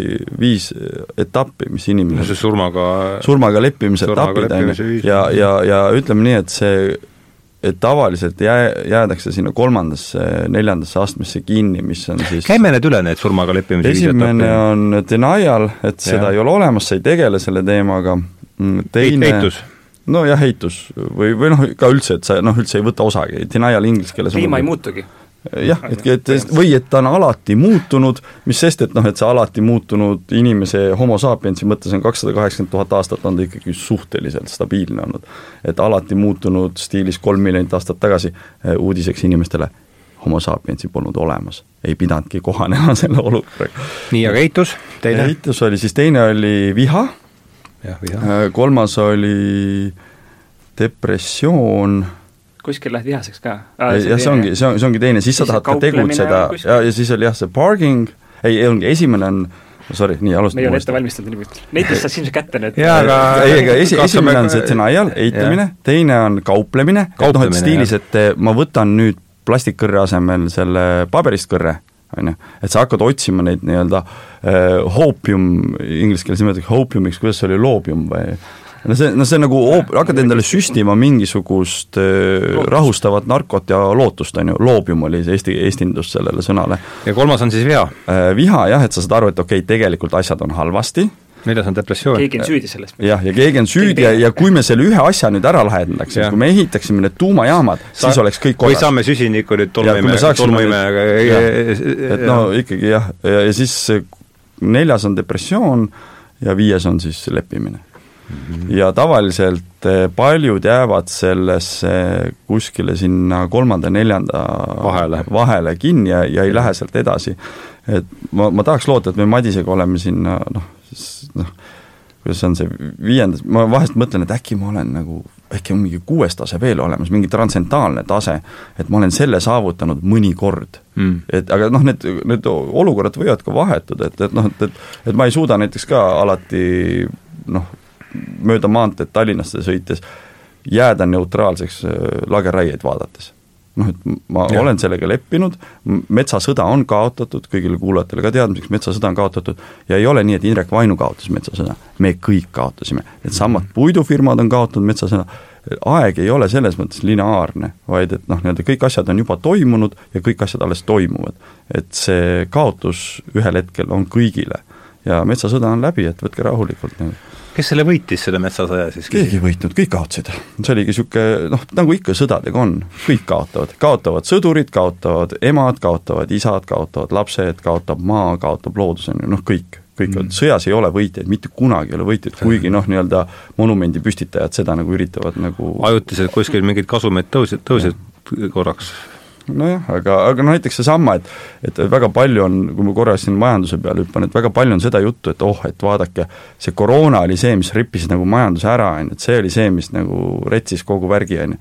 ei, et seesama mainitud Jim Bendeli raamat Breaking Together peatükk kaks, mis räägib äh, kollaps-, collapsing economy või noh, nagu kokkukukkuv äh, majandus, seal ta näitab ära, et majandus kukkus kokku juba kaks tuhat kuusteist aga jällegi, tegu on suure protsessiga, suurte rahadega. miks ta kaks tuhat kuueteistkümne valib just, ma pakkusin kaks tuhat kaheksat äh, esimese hooga. no see oli, see oli nagu mis no, see tema argument seal on? tema argument on see, et, et pärast kahte tuhande kuue, kuue, kaks tuhat kuusteist saavutas nii-öelda keskmiselt saavutati nii-öelda see heaolu tasand ja pärast seda on ainult langenud mm.. et, et kui isegi, kui skp näitab, et noh, no Ukrainas ma usun, et skp on praegu jumala tipus. seab selle tra-, Trumpiga kuidagi või? absoluutselt seab Trumpiga. ma mõtlesin, et see kaks tuhat kuusteist. täitsa null, tal on mingid arvutused seal taga ikka, tal on ikka professor Ameerikas on osade jaoks on ju Trump ainult ongi nojah, ega paljude jaoks on, ongi ju ka ainult mingisugune õhtune seebikas ainult teema, on ju, ja on, valmis, valmis nagu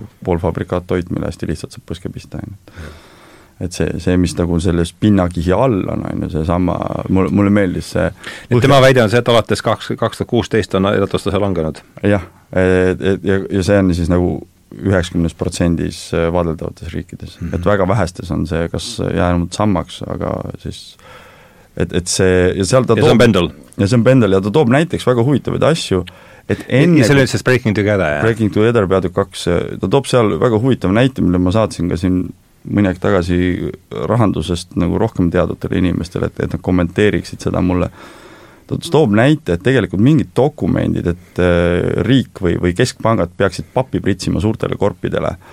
Äh,, äh, et see, et need dokumendid olid enne olemas, kui koroonapiirangud tekkisid, et noh, nii-öelda majanduse päästmise plaan saabuvast majanduse kokkukukkumisest seoses pandeemiaga, on ju, et need paberid olid koroona vormist, vormi, pani, pani kummitempli alla sellele protsessile siis pandee-, pandeemiaga noh, ütleme see, kes see, kes see peaminister, Boris Johnson on ju, siis Inglismaa keskelt praegu vaadates, siis tema nagu lihtsalt ütles, et noh, nüüd on piirang. aga tegelikult enne seda oli kogu see majanduse abipaketindus juba valmis tehtud. et tähendab mm, -hmm. Noh, ma arvan, et kuskil BlackRockis või, või suurtes nagu pangandussüsteemides ja investorite värkides ei tööta ju ka mingisugused eilased inimesed, on ju, et noh, mingi analüüsiosakond, sada inimest on nagu väike osakond nagu, et noh, seal ju osatakse ka ette ennustada, mudeldada, tarkvarad, asjad on selle jaoks olemas. olen ise kunagi seda tööd teinud, et aga mm, jah, see pendel on minu jaoks äh, kõige huvitavam leid tänasest äh, tal tema nagu tänasest see, tänasest saatest, polnud varem kuulnudki. tähetund oli kuidagi jah, niimoodi hästi ajastatud, et pärast seda, kui ta oma selle artikli välja andis ja mis artikkel oli nüüd? see oli seesama uh, Deep Adaptation kaks tuhat kaheksateist. A map to navigate climate tragedy või midagi niisugust, väga, väga ilus pealkiri. ta tegi kaks tuhat kakskümmend sellest ka revised edition'i aga see Deep Adaptation on artikkel, mitte no kolmsada lehekülge artiklit umbes. ei no ta nüüd päris... ta on raamat, aga alguses ta oli paarkümmend lehekülge ja. ja see on see, mis on tõlgitud äh, eesti keelde. see on eesti keeles olemas siis, jah ja.? jah, ma nüüd ta, ma ei tea, kas nüüd avaldus lõpuks akadeemias või on ta lihtsalt äh, Priit-Kalev Partsi käest saadaval, igatahes no kuskil ta on üleval. protsess oli, aga lihtsalt, et, et tagantjärgi ta sai aru, et okei okay,, et see teema on põhimõtteliselt ka seal kollapsoloogidel olnud olemas varem mm, -hmm. aga ta oli kõik väga palju prantsuse keeles, sest prantslased on prantslased mm. -hmm. Et siis nagu Pendel tõi see ka selle siis nagu ingliskeelsete lugejate ette ja, ja kuidagi see hästi resoneerus, muidugi kõik nagu niisugused kliimateadlased läksid ähmi täis, et mis mõttes on läbi pidu või noh mm, -hmm. mitte pidu, aga enam ei saagi projekti raha olukord on ju, mida mm -hmm. pääst, maailma päästmiseks. sellepärast on saanud ka väga palju kriitikat ja, ja sellepärast on teinud ka neid äh, revideeritud versioone, kus ta on näidanud, et okei okay,, et te ütlete, et siin mul on nagu kahtlased tulemused, aga ma olen viimase aasta jooksul on veel tulnud kakskümmend teadusartiklit, mis ütlevad, et mul oli õigus, on ju mhm et, äh, et see on nagu niisugune akadeemiline vaidlus, mis seal käib, aga, aga jah, see suurem niisugune panus tal on kindlasti see nagu filosoofiline või, või see, et ta nihutab seda akent, et millest on üldse lubatud rääkida mm -hmm. rääkida keskkonna siis ringkondades, et, et niisugune asi nagu kliimaärevus on äh, järjest levinum, noorte seas eriti, aga no neid sõnu, mida kasutada, et üldse sellest, äh, sellest teemast rääkida, on, äh, on jätkuvalt veel puudu minu arust üks mm -hmm. väga hea, mul tuli praegu üks koht sellest meelde, mis sa räägid, et noh, et mille, millest tohib rääkida, millest ei tohi rääkida.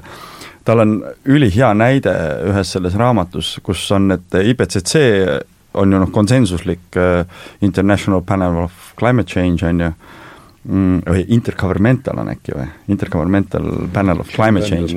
ja, ja poliitiline keha. jah, ja et ta on siis uh, United Nation ÜRO juures on ju ja seal oli niimoodi, et ei suudetud, mingil aastal ei suudetud kokku leppida, kui palju merevee tase tõuseb. noh, noh, saad, saad aru, ei suudetud kokku leppida, palju merevee tase tõuseb mm -hmm. see aasta, nii. me ei räägi, saad aru, me oleme, me oleme, teaduskirik on püsti pandud siia maailma, noh no, no, kõige kõrgem, on ju. Ja, teaduskirikul on andmed, ütleb, kui palju merevee tase tõuseb. ja siis IPCC saab kokku ja ei suuda kokku leppida, kui palju merevee tase tõuseb. Noh, okei okay,, ma lihtsalt jätan siinkohal väikse pausi. Ja siis, kuna ei suudetud kokku leppida, siis ei pandud üldse numbrit kirja mm. -hmm. saad aru, ei pandudki kirja, palju merevee tase sellel aastal tõusis, sest et ei suudetud kokku leppida, palju tõusis.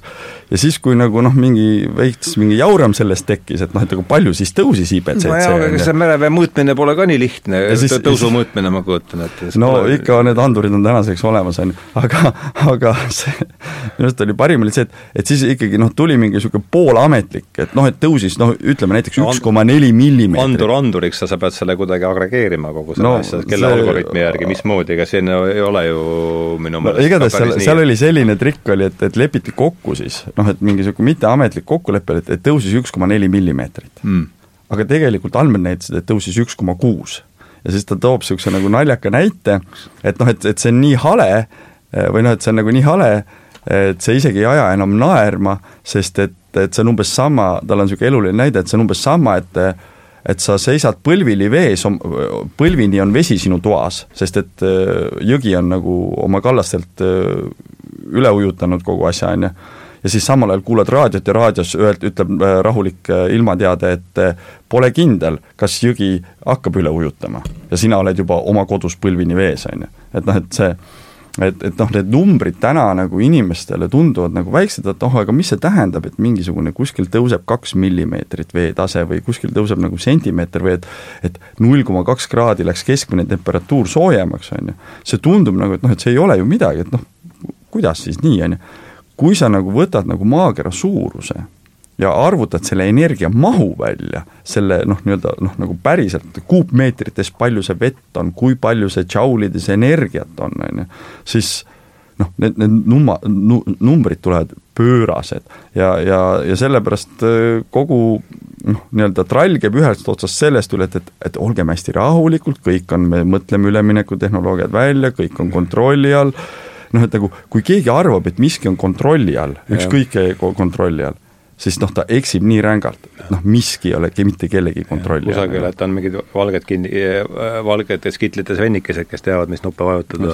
see, see ongi teaduskiriku asi, et kõik on jagatud tükkideks ära, on ju, iga sektsioon tegeleb oma nagu numbriga ja teiste numbritega ei tegele, ei ole nagu seda üldpildi vaadet, on ju. ja, ja siis tekibki see, et aga mis nad seal kõrvaltoas ütlesid, aga ma ei tea, meil on see rahastus, me ei pea mõtlema sellele. No. ja poliitikud vaatavad va siis vastavalt enda hetkevajadustele, millisest toast nad parajasti need äh, andmed võtavad ja. selle kohta. nii-öelda kirsi noppimine, cherry picking. ja see on, see on ka see, miks keskkonnaühendused on väga palju niisugust süsteemsel tasandil tööd teinud, sest ka need äh, keskkonnaühendused on sageli projektipõhised ja projektis sa pead ka olema see ühest toast tegema ühte asja, on ju, ja kõik muu, mis sellega piirneb, see on kellegi teise projekt, kui keegi teeb seda projekti.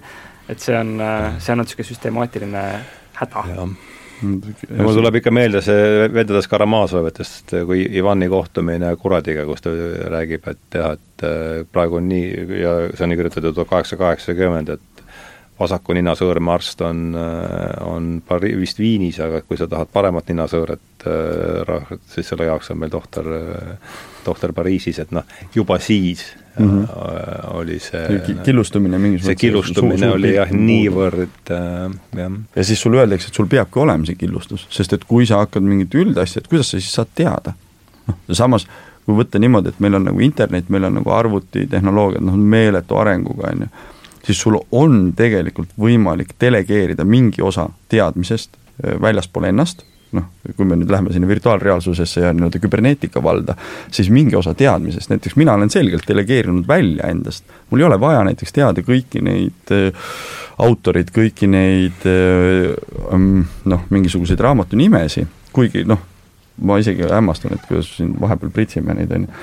et aga, et mingi suure osa saab niimoodi teha, et ta on kuskil seal internetis, ta on seal Vikipeedias, ta on kuskil mingites seostes, aga minu peas eksisteerivad äh, hoopis mõttekäigud ja nende mõttekäikude seosed. ja ma haldan seda mudelit, mitte ei halda seda nii-öelda pähe õpitud, kes mis aastal midagi täpselt kirjutas, on ju. et noh, kuigi jah, jääb, jääb külge ka mingi osa sellest, on ju mhm siin korraks saab äh, rikkuda inimeste tuju ära, kes on arvanud, et äh, aga meil on nüüd need äh, algoritmid, mis genereerivad hästi palju teksti mm, -hmm. et nemad lahendavad nüüd ära kliimaprobleemi, et siis kahjuks siiski vist mitte, kuna need algoritmid suudavad genereerida seda, mis põhimõtteliselt on juba genereeritud, siis natuke teises järjestuses, et et mm -hmm. sealt ühtegi uut ideed ei tule ja ma olen niisugust nalja ka teinud, et kuna ja, kuna tänapäeval neid algoritme eelkõige arendavad USA ja Hiina, siis kindlasti on niimoodi, et kui hiinlased kirjutavad sinna oma oma kasti sisse, et eh, mis on probleem, siis eh, Hiina ai ütleb, et Ameerika. ja ameeriklased teevad vastupidi, on ju, et mis on probleem, Ameerika ai ütleb Hiina. on ju, et see ei lahenda Mul... nagu tegelikult seda see, see on, eh, need ai-d, noh, see on natuke nagu ettekujutus, et see ei ole ikkagi noh, kui me lähme selle, Madisega saab siin väga mõnusasti ka hüpata sinna internetimaailma või, või noh, enda virtuaalreaalsuse ja, ja se-, selle maailma, et siis kui me vaatame äh, millega tegu on nendes chat GPT-d või, või need noh, nende generaatorid, tegu on lingvistiliste prostituutidega mm, -hmm. kes üritavad ära aimata, mis sellele nii-öelda homo sapiensile võiks meeldida.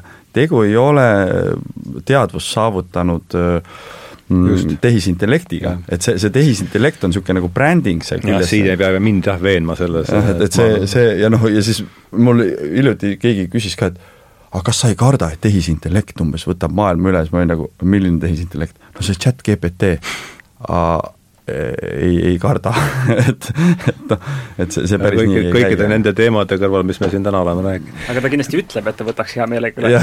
kui sa soovid. sest ta on kuskilt niisugust tekstijuppi lugenud, et äh, öeldakse ka, et peab see ütlema seda. see on niisugune hea plagiaadimasin. selle kohta oli sama, see Charles Eisenstein oli minu arust suurepärane äh, plagiaadimasin, jah, see on päris hea, on päris hea sõna selle kohta plagiaadimasin, jah, päris hea. et autorid ja, ja kunstnikud tööst ilma jätta jah aga, see... aga et eh, jah, et, et mõju haridusele selle, mis ta on, ChatGPT, et noh, kui ta ongi, mulle tuli meelde Pipi sellega, vaata Pipis on niisugune lõik, et et Pipi kirjeldab Argentiina koolikorraldust, et seal on, lapsed söövad, äh, käivad koolis kommi söömas ja siis õpetajad teevad neile neid, äh, mis, mis õpetajad teevad, siis õpetajad teevad, teevad, teevad kommepaberist lahti, et siis Charles visandas selle umbes niimoodi, mul tuli see Pipiga paralleel kohe, et see chat-CBT genereerib kogu selle crap'i, mida siis praegu peab siis valmistama ja loeb selle ka ise läbi, noh.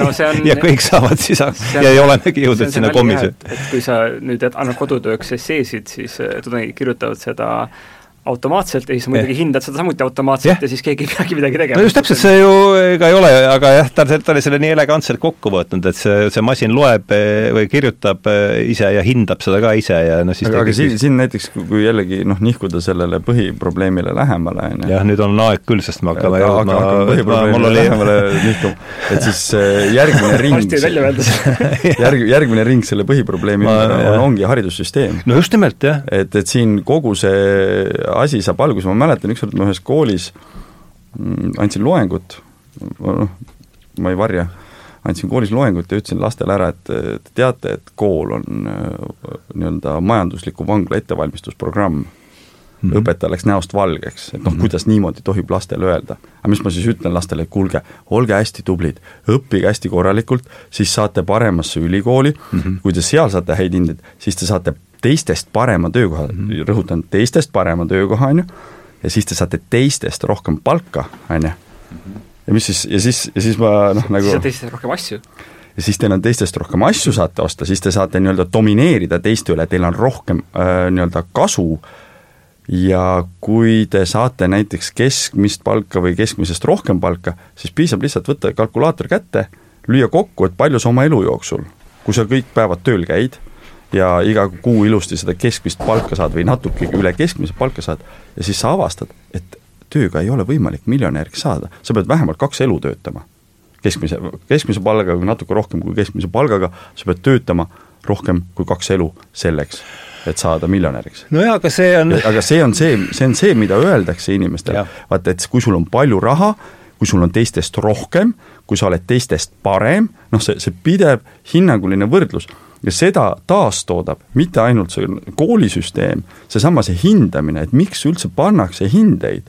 ma, ma ei kujuta ette, no mingi kaheksakümmend pluss protsenti inimestest, kes nagu täielikult nagu ignorandid ei olnud, omavad mingit koolitraumat seoses hindamisega kus nad tunnevad, et, et neid on hinnatud ebaõiglaselt, et miks üldse hinnata, on ju, et noh, et kas me, kas me käime tänaval ringi, ütleme, oo vaata, mis näoga see on, vaata kui lollid juuksed, sellel on, vaata kui paks see on, vaata kui kõht see on, vaata, mis tal seljas on. noh, aga põhimõtteliselt seda ju koolis tehakse.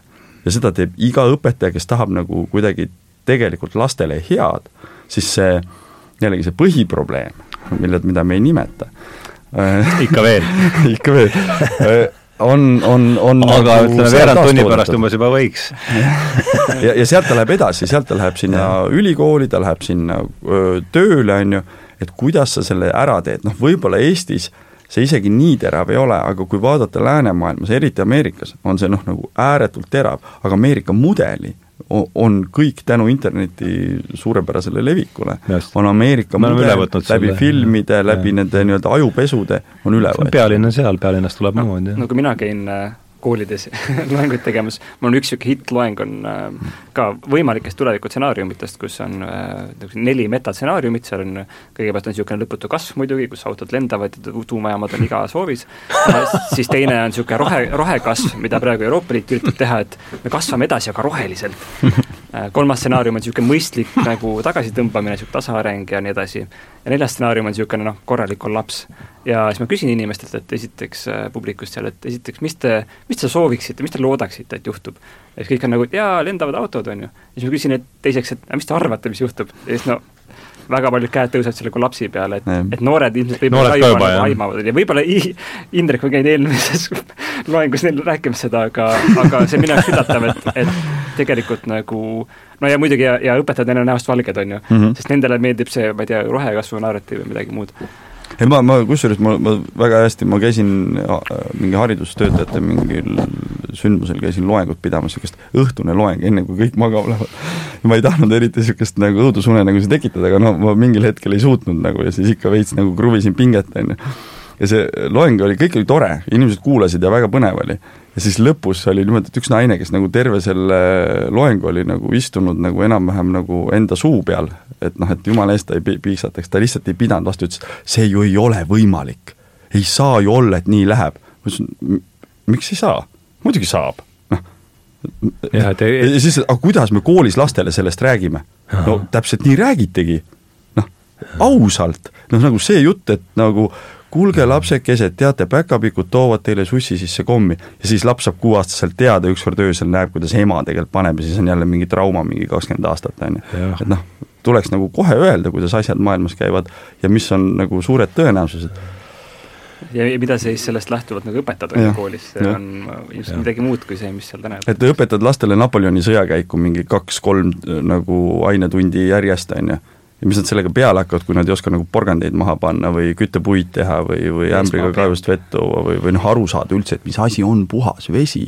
noh, nagu alustaks sellest, et inimesed saaks aru, mis asi on puhas vesi, mis asi on puhas maa, kuidas sa tuld teed, kuidas sa sooja saad, kuidas sul on vaja puhast õhku. Need on kõik niisugused asjad nagu noh, mida ei õpetata enam, sest ta nii elementaarselt tuleb mm. -hmm ja, ja samal ajal näiteks kui sa satud, noh, ma jällegi toon oma selle matka, matkamehe narratiivi sisse et kui ma satun matkale inimestele, siis on väga kiiresti selge, et sul ei ole rahakotti vaja, sul ei ole telefoni vaja, sul ei ole neid noh, nii-öelda mm, ühiskonna poolt aktsepteeritud nagu staatuse sümboleid vaja, vaid sa oledki otse looduses, sina oled loodus ja asi läheb väga kiiresti baastasemele. Mis on baastase, et sul oleks soe, et sa ei kukuks kuskil vette, et sa ei astuks oma riideid märjaks või kui astud, sa oskad nagu lõkke teha, uuesti ennast ära kuivatada, sa oskad süüa hankida, sa tead, mida süüa, et sa ei lähe piibelehemarju või, või näsiniini sööma, on ju, noh, noh midagi niisugust, on ju, kuigi nad näevad väga head välja praegu. -hmm. jah äh,, aga nüüd on meil äh, umbkaudu pool tundi jäänud, kui me sellest kahetunnisest formaadist äh, kinni hoiame ja ja on käinud siin läbi sõna põhiprobleem äh, mitu korda, et mina võtaks siis, teeks siin otsa lahti. Ja minu arvates noh, me kõik vaatame ju seda maailma oma mätta otsast ja, ja see põhiprobleem paistab sealt, kellel, mis mätas parajasti on, mulle tundub, et see põhiprobleem on äh, Äh, epistemoloogiline, selline filosoofiline või taju, või, või tajumis, tajulaadne probleem, kuidas, mida me üldse näeme. ja, ja seetõttu ma joonis, joonis, joonisin siin alla äh, lause, mis ütles vist Indrek siin kusagil võib-olla poole saate peal, et sa vaatad maailma või et äh, ütleme siis niimoodi, et see epistemoloogia võib, osad ära, sõna epistemoloogia võib ära pele-, peletada need kuulajad, kes on veel jäänud äh, kuulama, aga et probleemiks on, probleemiks on seesama vana lugu, me oleme loovangid, see on minu meelest kõige, kõige olulisem mm, -hmm. me mhm. oleme sellesama modru, modruvangid, mille, mida me siin oma peas ketrame, noh siin palju illustratsioone on selle kohta mm, -hmm. seesama koolilugu mulle väga meeldib, mis Madis ütles, et ma et ma istun ja vaatan seda loen seda loen seda, mis, seda, seda ma ei tea, raporti või et, et et noh, tead, saan öelda, et seitsme, seitsme koma kuue asemel peaks olema seitse koma neli, aga kogu, kogu see kuradi raport on noh, kasutul, kasutult mm. kulutatud mets, kui see on, kui see on üldse, kui see on paberile trükitud, et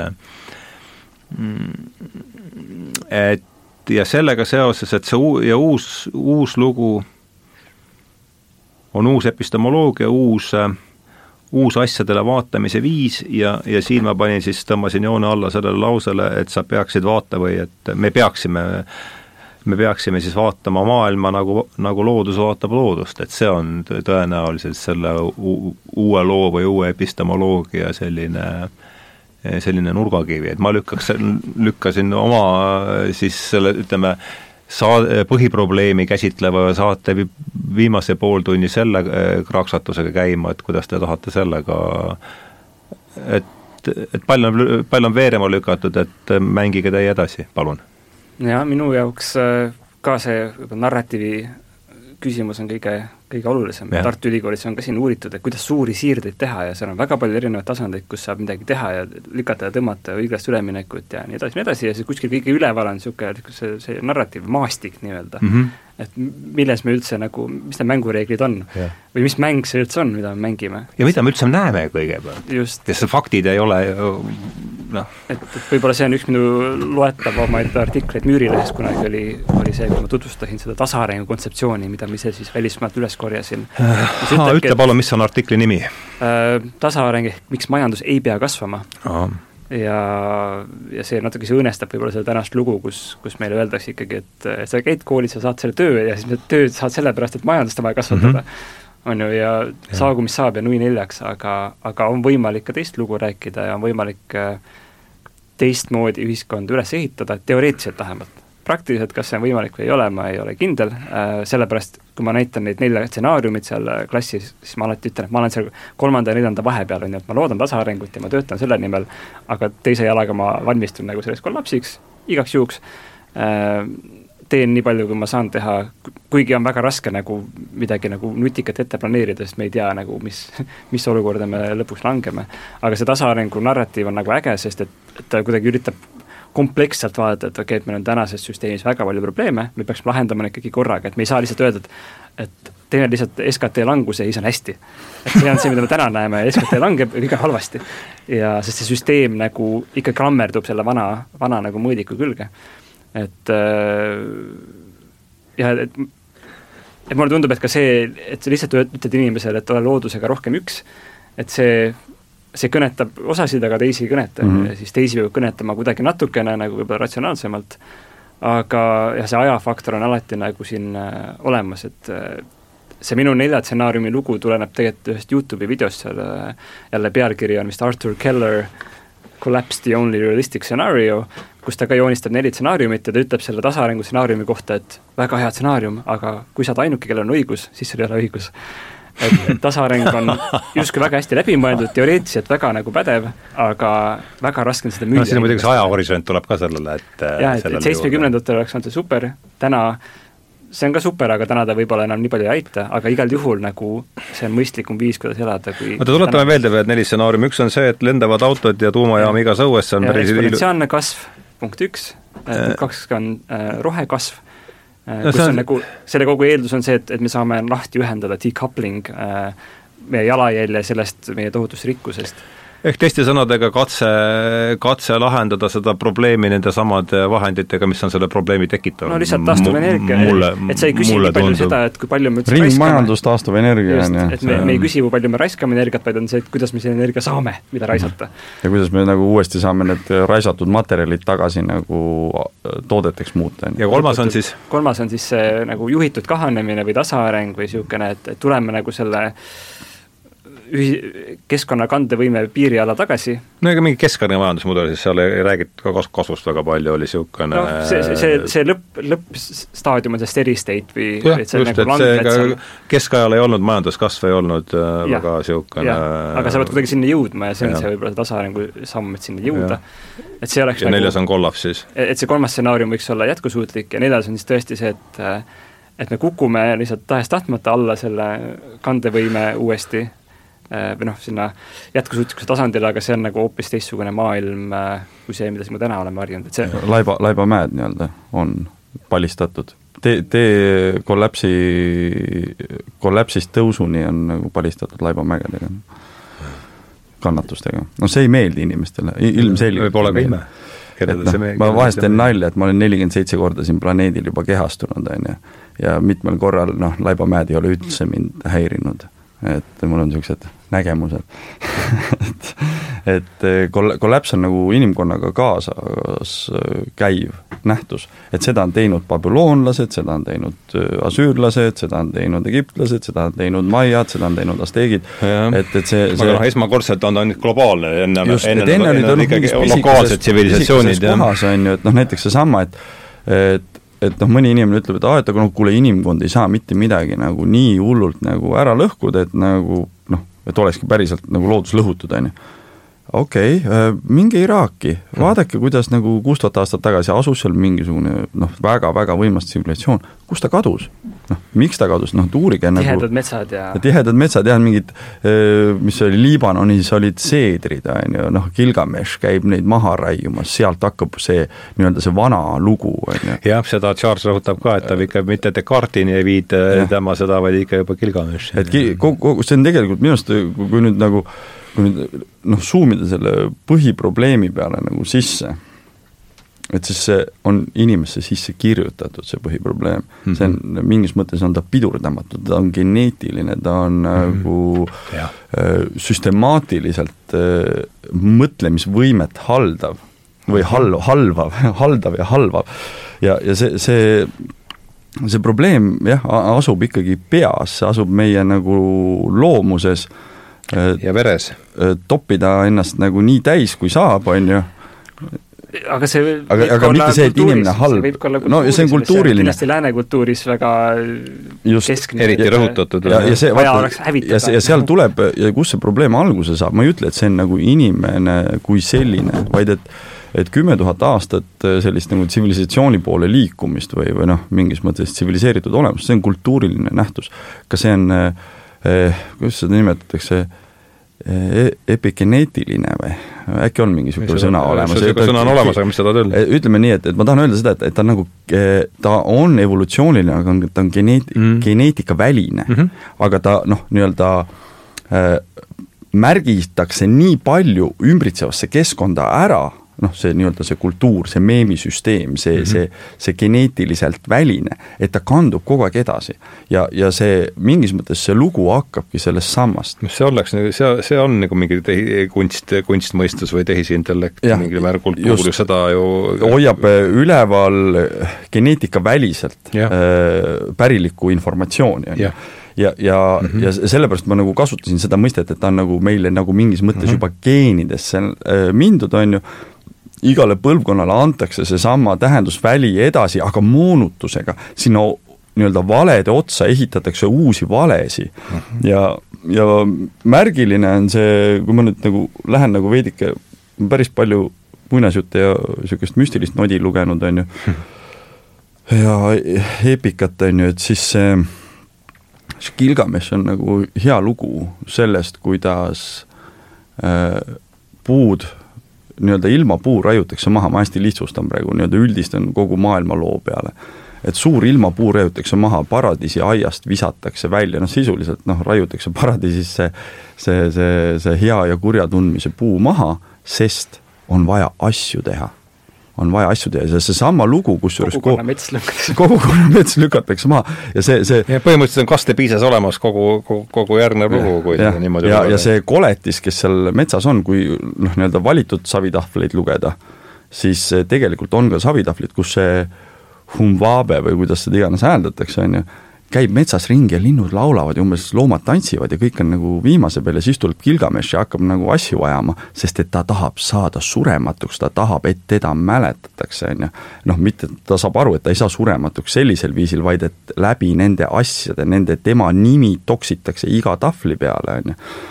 noh, selles, selles ajastus ja, ja, ja kui nüüd noh, hüpata nüüd sealt paralleeliga nagu Eesti pärimusse või Läänemere Soome või Soome-Ugri pärimusse, siis me näeme sedasama lugu mm. -hmm. näeme äh, äh, loomislaulus Suur tamm, kus suur tamm raiutakse maha, nii-öelda on müütiline aeg, on müütiline aeg ja ühel hetkel suur tamm kasvab väga suureks ja see hakkab häirima inimesi, hakkab seal pilvi pillutama ja, ja, ja asju ajama, on ju. ja siis tuleb mingisugune väike vennikene ja raiub suure tamme maha ja suurest tammest siis nagu ütleme, mingisugune viiendik laulu on sellest, mis sellest suurest tammest kõigest teha saab ja kellele, on ju. tähendab mm, -hmm. ma olen ise seda tõlgendanud niimoodi, et, et, et see, et saabki läbi ajastu selle nii-öelda Gilgameshis puu raiumisega, äh, meie ilmapuu raiumisega, meie suure tamme raiumisega saab läbi üks ajastu ja algab mm -hmm. asjade ajastu, milles me siis praegu elame ja noh, väga tugevalt tundub, et see asjade ajastu hakkab ka läbi saama, sest asjade fetiš on jõudnud nagu totaalse noh, nii-öelda mürgitamiseni meie ajudes, on ju, et, et, et kas sul on see, kas sul on teine, kas sa oled juba ostnud selle, kas sa oled juba parem kui see, on ju. ja, ja need mõttemustrid on selles mõttes nagu jällegi, päris probleem on mõttemustrites. ja see asub selles kohas, kus me ise enam ei märkagi, et see, see, see, see nagu on võtnud meid, minu ja teie kuulajate isiksuse üle ja me usume, et see on minu lugu. see ongi minu lugu, aga tegelikult see ei ole minu lugu, ma ei ole see, ma ei ole halb, ma olen hea, inimene on hea see on, meenutab mulle sama Derek Jenseni üks raamat on Endgame mm, -hmm. mis on suur ja paks ja, ja muudab lugejad väga radikaalseks, aga seal on alguses on need äh, eeldused, mis ta teeb. ütle palun see nimi veel äh,. Derek Jensen End, ah, sama, Endgame, Endgame, osa üks äh,. seal on alguses on siis eeldused, mis ta teeb ja üks ta eelduseid on see, et, et tänapäeva või niisugune lääne ühiskond ja kõik selle liikmed on hullud on ju, ta võib-olla ei tea seda, aga nad on mhm. hullud nagu, et nad see, see on see nad, sõna äh, vertigo on või? vaata, mida kasutab äh, Vertigo. Vertigo jah, et on see kaks siis V-ga, Vertigo, aju, ajuviirus. ajuviirus, mida siis äh, pärismaalased arvasid, et valgetel on see mm. -hmm. et noh, keegi ei saa nii lollakas olla. või nagu niisugune ajukannibalism, et mida sa teed omaenda keskkonnaga, mida ja. sa teed? et, et noh, et ei saa, normaalne inimene ei saa olla nii nagu hull peast, nagu valge inimene on, tähendab, tal peab olema haigus ja see haigus peab olema ajus ja selle nimi on see Vertigo, on ju, ja äh, ma, ma ikkagi tahan siia lõppu nagu, et et kui nüüd kuulajad on kuulanud kaks tundi, on ju, nüüd noh, lähevad liimile ja ütlevadki, et, ongi see uus lugu, ongi see, et äh, on päris, päris pahasti, äh, mis nüüd praktiliselt peale hakata, siis on veel üks hea raamat, on Ugo Bardi Before the Collapse. see on niisugune mm -hmm. manuaal et äh, nimi oli autori nimi? Ugo Bardi. Ugo Bardi. Ugo Bardi. Itaalia professor. et tal on niisugune äh, hea raamat, seal lõpus on kohe kuus, kuuepunktiline nagu tegevuskava ja nagu niisugused, et, et kleebi oma külmkapile need kuus punkti, et seal mälu järgi ma nüüd mõtlen, et need umbes sellised, et et kuigi kasv on aeglane, siis kollaps on kiire see on alati nii olnud, see on ka tulevikus nii no see, see on see, kuidas see on, mõiste on defineeritud, et see on kiire Jah. see, kuidas Tainter, see, see kiire ja, ja, ja, ja järsk siis just, et see ei ole niisugune saja aasta protsess, võib-olla kiirem. Äh, punkt kaks vist oli see, et kollaps on sulle isiklikult ilmselt halb et, et see ei ole nagu mõnus sündmus, kus pikniku, pikniku pidada, et see, see on, see on karm. Äh, kolmas punkt äkki oli see, et et äh, aga, aga mõnikord kollaps on ainus lahendus, nagu et, et kui sul arvuti on kinni jooksnud sa võid olla maailma parim programmeerija, aga no pead vajutama nuppu nagu mm. sa ei saa midagi teha, kui asi on täiesti kinni ja. kiilunud, et võib-olla siin, võib-olla siin see süsteem on meil samamoodi. uus operatsioonisüsteem installida. muu ei toimi, et uh, restart ja uus operatsioonisüsteem. sest tavaliselt on system file corrupt, corrupted, vaata, kui enam ei lähe käima ka, siis on system file on corrupted ja siis tuleb kas siis uus system file kirjutada või siis kogu uus operatsioonisüsteem. System file ja, ja sellest kuuest punktist oli veel, üks oli Sys kindlasti kolmkümmend kaks on see Windowsis ärge seda ära kustutage. ärge seda ära kustutage, Sys kolmkümmend kaks on tavaliselt või Sys kuuskümmend neli. Sys kolmkümmend kaks, ja, ja mingid punktid olid seal veel umbes, et, et sa saad nagu, sa saad ette valmistuda või nagu sa saad mõelda selle peale, et see asi tuleb, siis, siis sul võib-olla läheb paremini. ja ja siis ja mingid, mingid punktid veel, aga see oli niisugune lühike raamat ja, ja väga lööv, et äh, et mis sa, mis sa nüüd peaks tegema, leid-, leides ennast selles olukorras, kus sa oled. ja siia otsa väga hästi sobib veel üks soovitus, veel lühem raamat kui see Ugo Pardi raamat, on Richard Adrian Rees Collapse now and avoid the rush, et noh, nii-öelda kuku kokku praegu, et siis hilisemalt ummikuid vältida, kuku kokku kokku, kokku. Richard, mis ta oli, Richard? Adrian Rees, Reese see on see, mida minu, minu peas Indrek on teinud, et et ta on viinud oma, oma elamise väga minimalistlikuks äh, oluliselt, oluliselt varem kui teised, ta on, ta on nii ajast ees, et noh, õudne. ja mis oli selle raamatu nimi veel võib-olla? Äh, see ei ole raamat, see on artikkel äh, Collapse now and avoid to rush et see on nagu päris, see on nagu see vana lugu on see. see on kollapsoloogias üks, üks hea levinud niisugune maksi-. ta oli druiidi preester, oli Richard Adrian Rees, et ja samal ajal ka teadlane, nii et üks ei välista teist. ahaa, väga huvitav, väga huvitav. et, et, et see aga noh, kui, kui nüüd, et selleks, et mitte jätta inimesi ikkagi õhku rippuma, kuigi siin see Ugo Pardi ja Richard Aiden Rees nagu on nagu läbi käinud, et, et mis siis nagu teha, et ma võin siis nagu julgelt kuulajatele öelda, et ma olen enda peal need inimkatsed läbi viinud, on ju, äh, mul on ka naine ja lapsed, on ju, et, et, et et tähendab, ma ei ole ikkagi päris nagu niisugune mees, kes läks hulluks ja ronis metsa, on ju et mis teha? kunagi ma, see oli umbes viisteist aastat tagasi, rohkem veel, ma olin kuskil, äkki see oli kaks tuhat kolm, võib-olla isegi veel varem, aga noh, ma mäletan seda, et kuskil kaks tuhat neli ma hakkasin omale varusid tekitama mm., nii-öelda hakkasin tegelema preperlusega, sest mulle tundus, et see suur lugu, mida meile räägitakse, et see tegelikult ei saa see oli kaks tuhat neli juba? kaks tuhat neli, et see, et see ei keri ära. Et, et see noh, selles mõttes, et ma kasutan niisugust Mustamäe slängi, et see ei keri ära, see tähendab, et ta, ta ei, ta ei, ta ei nagu ei mängi lõpuni, et vahepeal see makilint jookseb vahele ja, ja ta ei, ta ei keri lõpuni ära, on ju, seda asja. et, et võiks olla niisugune noh, et äh, üks vana preperite nipp on see, et kui sa poes käid, siis sa võtad alati niimoodi mõne euro eest asju, mida sul otseselt kohe vaja ei ole, on ju et noh, võtad paki soola, võtad paki makarone, võtad mingi konservikese, selleks juhuks, kui noh, nii-öelda juhtub, et siis sa ei ole nagu kohe stiilis, et oi, mul on nüüd pool pakki makarone ja, ja siis vanaks läinud ketšup siin kapis, vaid et noh, sa saad rahulikult mõelda, et mis nüüd edasi saab, mis on see strateegia, mis on see taktikad, mida ma nagu hakkan rakendama selleks, et mina või minu lähedased või, või minu äh, elupaik noh, nii-öelda jätkusuutlik oleks või, või kestlik oleks. mulle endale meeldib palju rohkem sõna põline sest mhm. põline hõlmab endasse no igal juhul parem kui jätkusuutlik. just, et põline, põline, eestlane, eestlane oligi põline rahvas, ta elas nii-öelda äh, olevikus, vahetus olevikus elas, on ju, laenas sealt minevikust nagu, mida oli vaja esivanematelt ja siis äh, elas sellisel viisil, et see oleks tulevikus temale järeltulevatele põlvedele nagu noh, nii-öelda ka äh, kasutatav, on ju, et see on see põline elu, on ju. ja, ja see on neljas, ei see oli kolmas või see oli neljas, ei, kolmas stsenaarium, neli oli sul kokku neid, eks, tasaareng ongi ju põhimõtteliselt see. tasaareng on, on mingis mõttes nagu see põline elu aga noh, sa arvestad sellega, et, et nii-öelda toimuvad ka ootamatused. toimuvad ka sellised asjad, millesse sa ei suuda arv, arvestada, et noh, ükskõik kui palju sa neid raamatuid või, või artikleid või neid noh, nii-öelda taktikaid nagu välja mõtled, võib juhtuda teemasid, millesse sa ei, ei suuda suhestuda, sa ei suuda neid näha, need on sinu selles pime tähnis, on ju, sinu mm -hmm. vaatevälja pime tähnis sees ja noh, täna muidugi mulle tundub, et ühiskonnas on valdavalt, ongi ainult pime tähn. Üks suur pime tähn on nagu selle eh, noh, nii-öelda võrkkesta peale tekkinud, et on, on aga mida teha annab, on see, et, et sa mõtled nagu päriselt läbi, mis su, mis su elus nagu need olulised asjad on. et kas see töökoht, noh, kus sa käid, et kas see, kellena sa ennast defineerid, kas see suur lugu, milles sa oled osaline, kas see on sinu lugu või on see nii-öelda õpitud lugu, on see, et see, see on, see on see põhiasi, et sa suudad eristada, et kelle lugu sa nagu nii-öelda sõdud.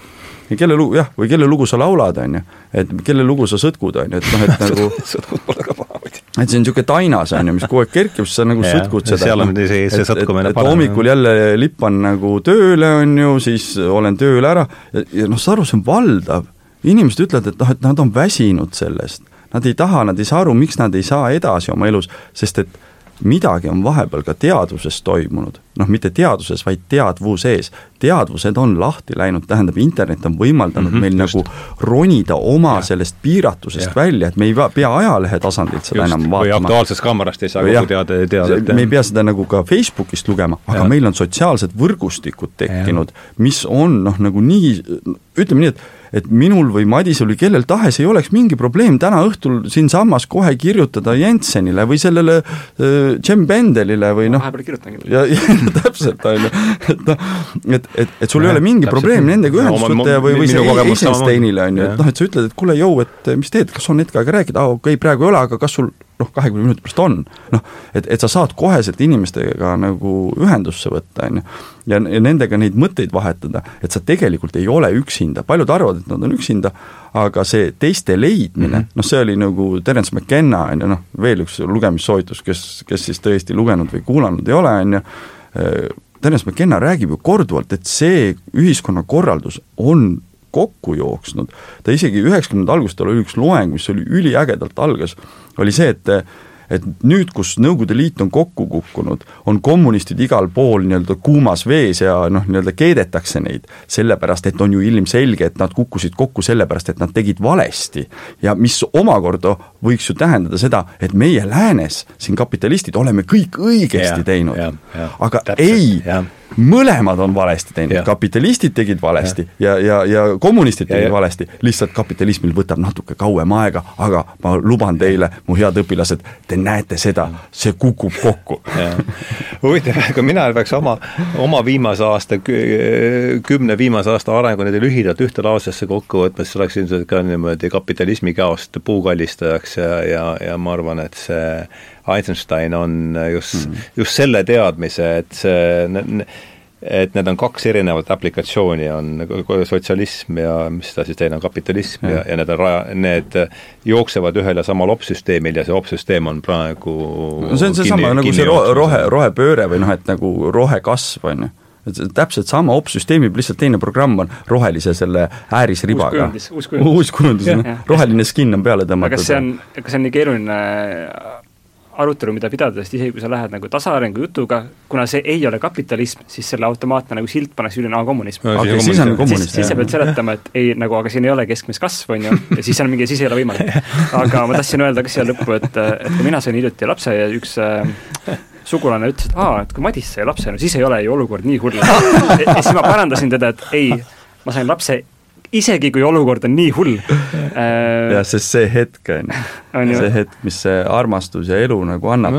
See on see Luteri lause, et isegi kui täna, homme tuleks maailma lõpp, istutaks ma täna õunapuu, et ega mis sa siin muud äh, ja, ja see Indreku nagu soovitus on, on täiesti õige, et leida see oma, oma hõim, sest et tõesti, inimesed arvavad, noh, ma ei tea, keegi kuulab tänast saadest, on ju, hakkab mõtlema nende teemade peale, ta arvab, et on ainukene, kes selle teema peale mõtleb mm. -hmm. ei, su ei. enda tutvusringkonnad võib olla palju neid inimesi. osad lihtsalt ei taha rääkida sellest, see on tabu, ju. sest issand jumal, mis must pärast arvatakse mm.. aga, aga leian, et vähemalt kaks inimest, kes tegelikult mõtlevad samamoodi või mõni noor inimene, kes kindlasti mõtleb sellest mm. ja nendega koos juba arutada on palju meeldivam ja mm tavaliselt noh, meie enda kogemus mm -hmm. on see Indrekuga, et niisugune väike intiimne grupp on väga hea, siis jõuab päriselt minna sügavuti mm, -hmm. aga, aga ja saab üksteisele toeks olla ka.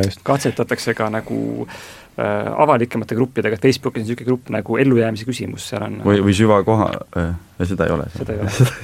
On, on keskkonnasäästjad, mis on niisugune on... semi, seal võib lugeda pesupulbrite kohta ja siis lugeda selle kohta, kus kõik kokku kukub.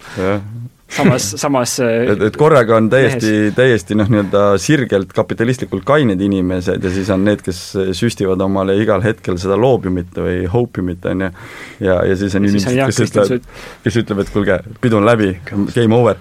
Aga enne, kui pidu meil siin läbi saab stuudios, ma ütlen siis selle põhilause ära nii, oleme jõudnud. lahenduse lahenduse, lahenduse, et, et sellest äh, probleemist ja paratamatusest me rääkisime, aga on ka lahendus olemas. see on hästi lihtne. see on seesama, see nii-öelda põline, põline lahendus, mis on kogu aeg olnud, sõltumata ajastust ja riigikorrast ja millest kõigest, on ju, on äh, see olevikus olemine mm., seesama ela ja armasta praegu mm. -hmm. ja see noh, ongi see kõige lihtsam ja teistpidi kõige raskem, et sa oledki nüüd siin ja, ja nüüd sa nüüd elad, mitte homme, mitte eile, vaid täna. Pole lihtne ülesanne, aga jah. aga ilus on selle eest. jah, jah, jah ja. me teeme alati nalja, et mina olen alati ikkagi natukene vihasem kui Indrek, et ma siis ütlen, et, et lugege neid asju ja mõelge nende asjade peale, siis leidke see, mis teile sobib, et mõne jaoks see on aktivism, mõne jaoks see on niisugune valmistumine, mõne jaoks see on on äh, elamine ja armastamine mm. -hmm. et meil on, meil on vaja kõike, kui te Derek Johnsonit loete, siis te kindlasti lähete hästi palju vihasemaks ja see, ja samas hästi rahulikuks lõpuks. see on jah paradoks no kena, me jah, on aeg tõmmata asjad kokku, minutit viis ja ega me siin stopperi peale, stopperiga ka asju ei aja, aga et ähm, jah, ma olen sellega täiesti nõus, et põhiprobleem on mõttemustrites, aga ma tahaks laiendada, et see, võib-olla see mõte jääb siin ikkagi, mm, jääb kitsaks, et ma pigem on on ka sellises tajumustrites, sest noh, mõte opereerib juba nende asjadega, mis on äh, äh, faktid ja tõsiasjad, aga et just see taju määrab üldse ära selle, mille me näeme, ma arvan, et ma arvan, et siin on see mõtte- ja tajumustrite äh, probleem eelkõige ja ma tahaksin lõpetuseks võtta kommentaari, süva, süvaökoloogia käis siit ka läbi. Ja ma tahaks lugeda ette asjakoha, enda arvates asjakohase lõigu ma tegin kuueteistkümnendasse lehte intervjuu süvaökoloog David Abramiga ja, ja see, mulle väga meeldis, et Madis tõi mitmel kohal selle keele olulisuse ka siin sisse. Et, et võib-olla loeks selle ette ja siis võtaks teie kommentaari ja, ja siis läheme lahti või lahku suuremate sõpradena, kui me enne, enne olimegi, et ja siis tsitaat David Abramilt, et kui me aga tõesti tunneme, et maailm sõltub meist ja meie tähelepanust, meie tänusõnadest ja kiidulaulu, kiidulaulust, siis omandab see juba teistsuguse tähenduse. sellisel juhul on meil raske jõele tamme ehitada või metsad maha raiuda, sest me mõistame, et me peame tegutsema ja kõnelema nii, et me saavutaksime meid ümbritseva maailmaga parema kooskõla see on väga erinev meelelaad, meelelaad ja selle meelekihi me,, meelelaadi süvakihid on tõepoolest poeetilised, aa, ma palusin talle kommentaari James Hillmani mõttele, et meelepõhi on poeetiline, siis ta mm, -hmm. see on see vastus. Nendest saab vaid laulda ja luuletada.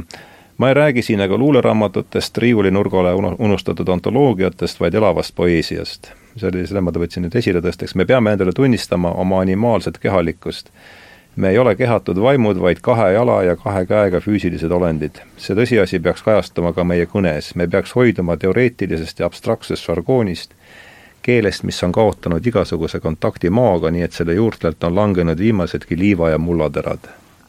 kahjuks on selle mandri ülikoolides asjad liikunud just vastupidises suunas. et äh, mis mõtteid tekitas ette loodud lõik ja Madis ja, ja Indrek ja siis äh, mulle meeldis see, et sa tõid selle keele, keele asja mitmel korral tõstsid esile.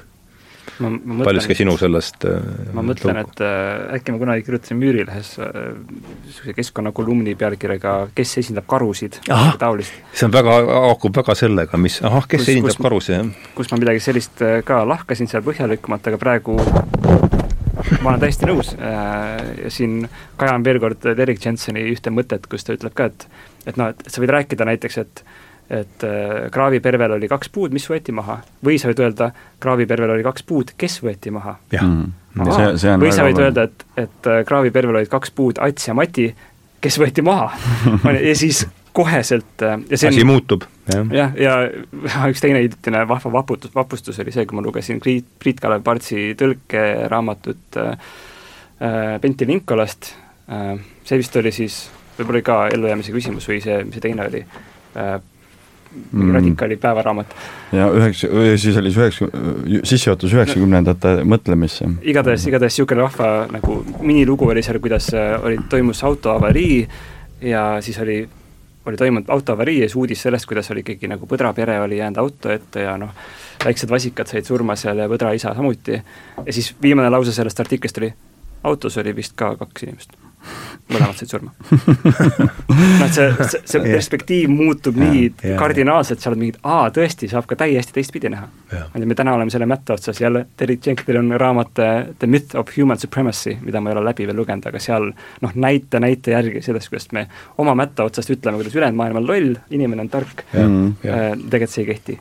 ja, ja see see kõik nagu kõnetab mind väga, sest et see on see maailm, mida ma otsin, see olla loodus ja vaadata loodust nagu no, loodus, on ju. sellest sinu lausest. et see mõte asub seal, et läbi erinevate nende nii-öelda looduses olemiste, noh, ma olen nagu seal täiesti noh, nii nagu ma olen, et ma ei, ma ei, ma ei paki mingit kotti kokku, ma lihtsalt lähen sinna. ja ma tulen sealt samamoodi jälle välja, on ju. et noh, tähendab koju, lähen tuppa magama, on ju, et ma ikkagi magan toas enamasti et, et kui ma mõtlen seda, kuidas ka näiteks on põlisrahvaid või, või neid, ma nimetan põlismaalasi, halvustatud, ka noh, meie enda ja. esivanemaid, et vahin lolle, on ju, jalad räpased seal polnud istuvad, polnud telekat ega midagi. Polnud telekat ega midagi, ega uut iPhone'i, on ju, ja noh, mis nad üldse asjast teadsid, on ju, nad teadsid väga palju, nad teadsid nagu palju rohkem kui meie, nii nagu need loomad, noh, inimene, uuesti, tuleb üllatusena võib-olla mõnele, kakssada kaheksakümmend tuhat aastat on umbes inimene olnud siin mm. -hmm. tähendab, ta on natukene teab. orav ei pea üldse mingit internetti ega wifi ala omale püsti panema, ta ongi juba kohal, ta ongi juba selle sees, samamoodi see karu, on ju. ja siis, ja siis et noh, vaatad seda seadusandlust, on ju, või noh, et nagu neid on asjaks, nimetatakse neid. vallasasi tuleb äh, inimese maale, see maa tema oma, lasin ta maha, sest ta tuli minu territooriumile. no see on nagu jaburus on, on ju. ja senikaua, kui inimene ise ei suuda näha ennast loodusena, vaid et kogu aeg eraldab selle kultuuriga ära, senikaua ta jooksebki selles nii-öelda katkises operatsioonisüsteemis, on ju. ja see on see põhiprobleem. see on see põhiprobleem, et see, see, et sa ei, et sa eraldad ennast loodusest, sest sa ei saa eraldada ennast loodusest, sa oled looduse osa.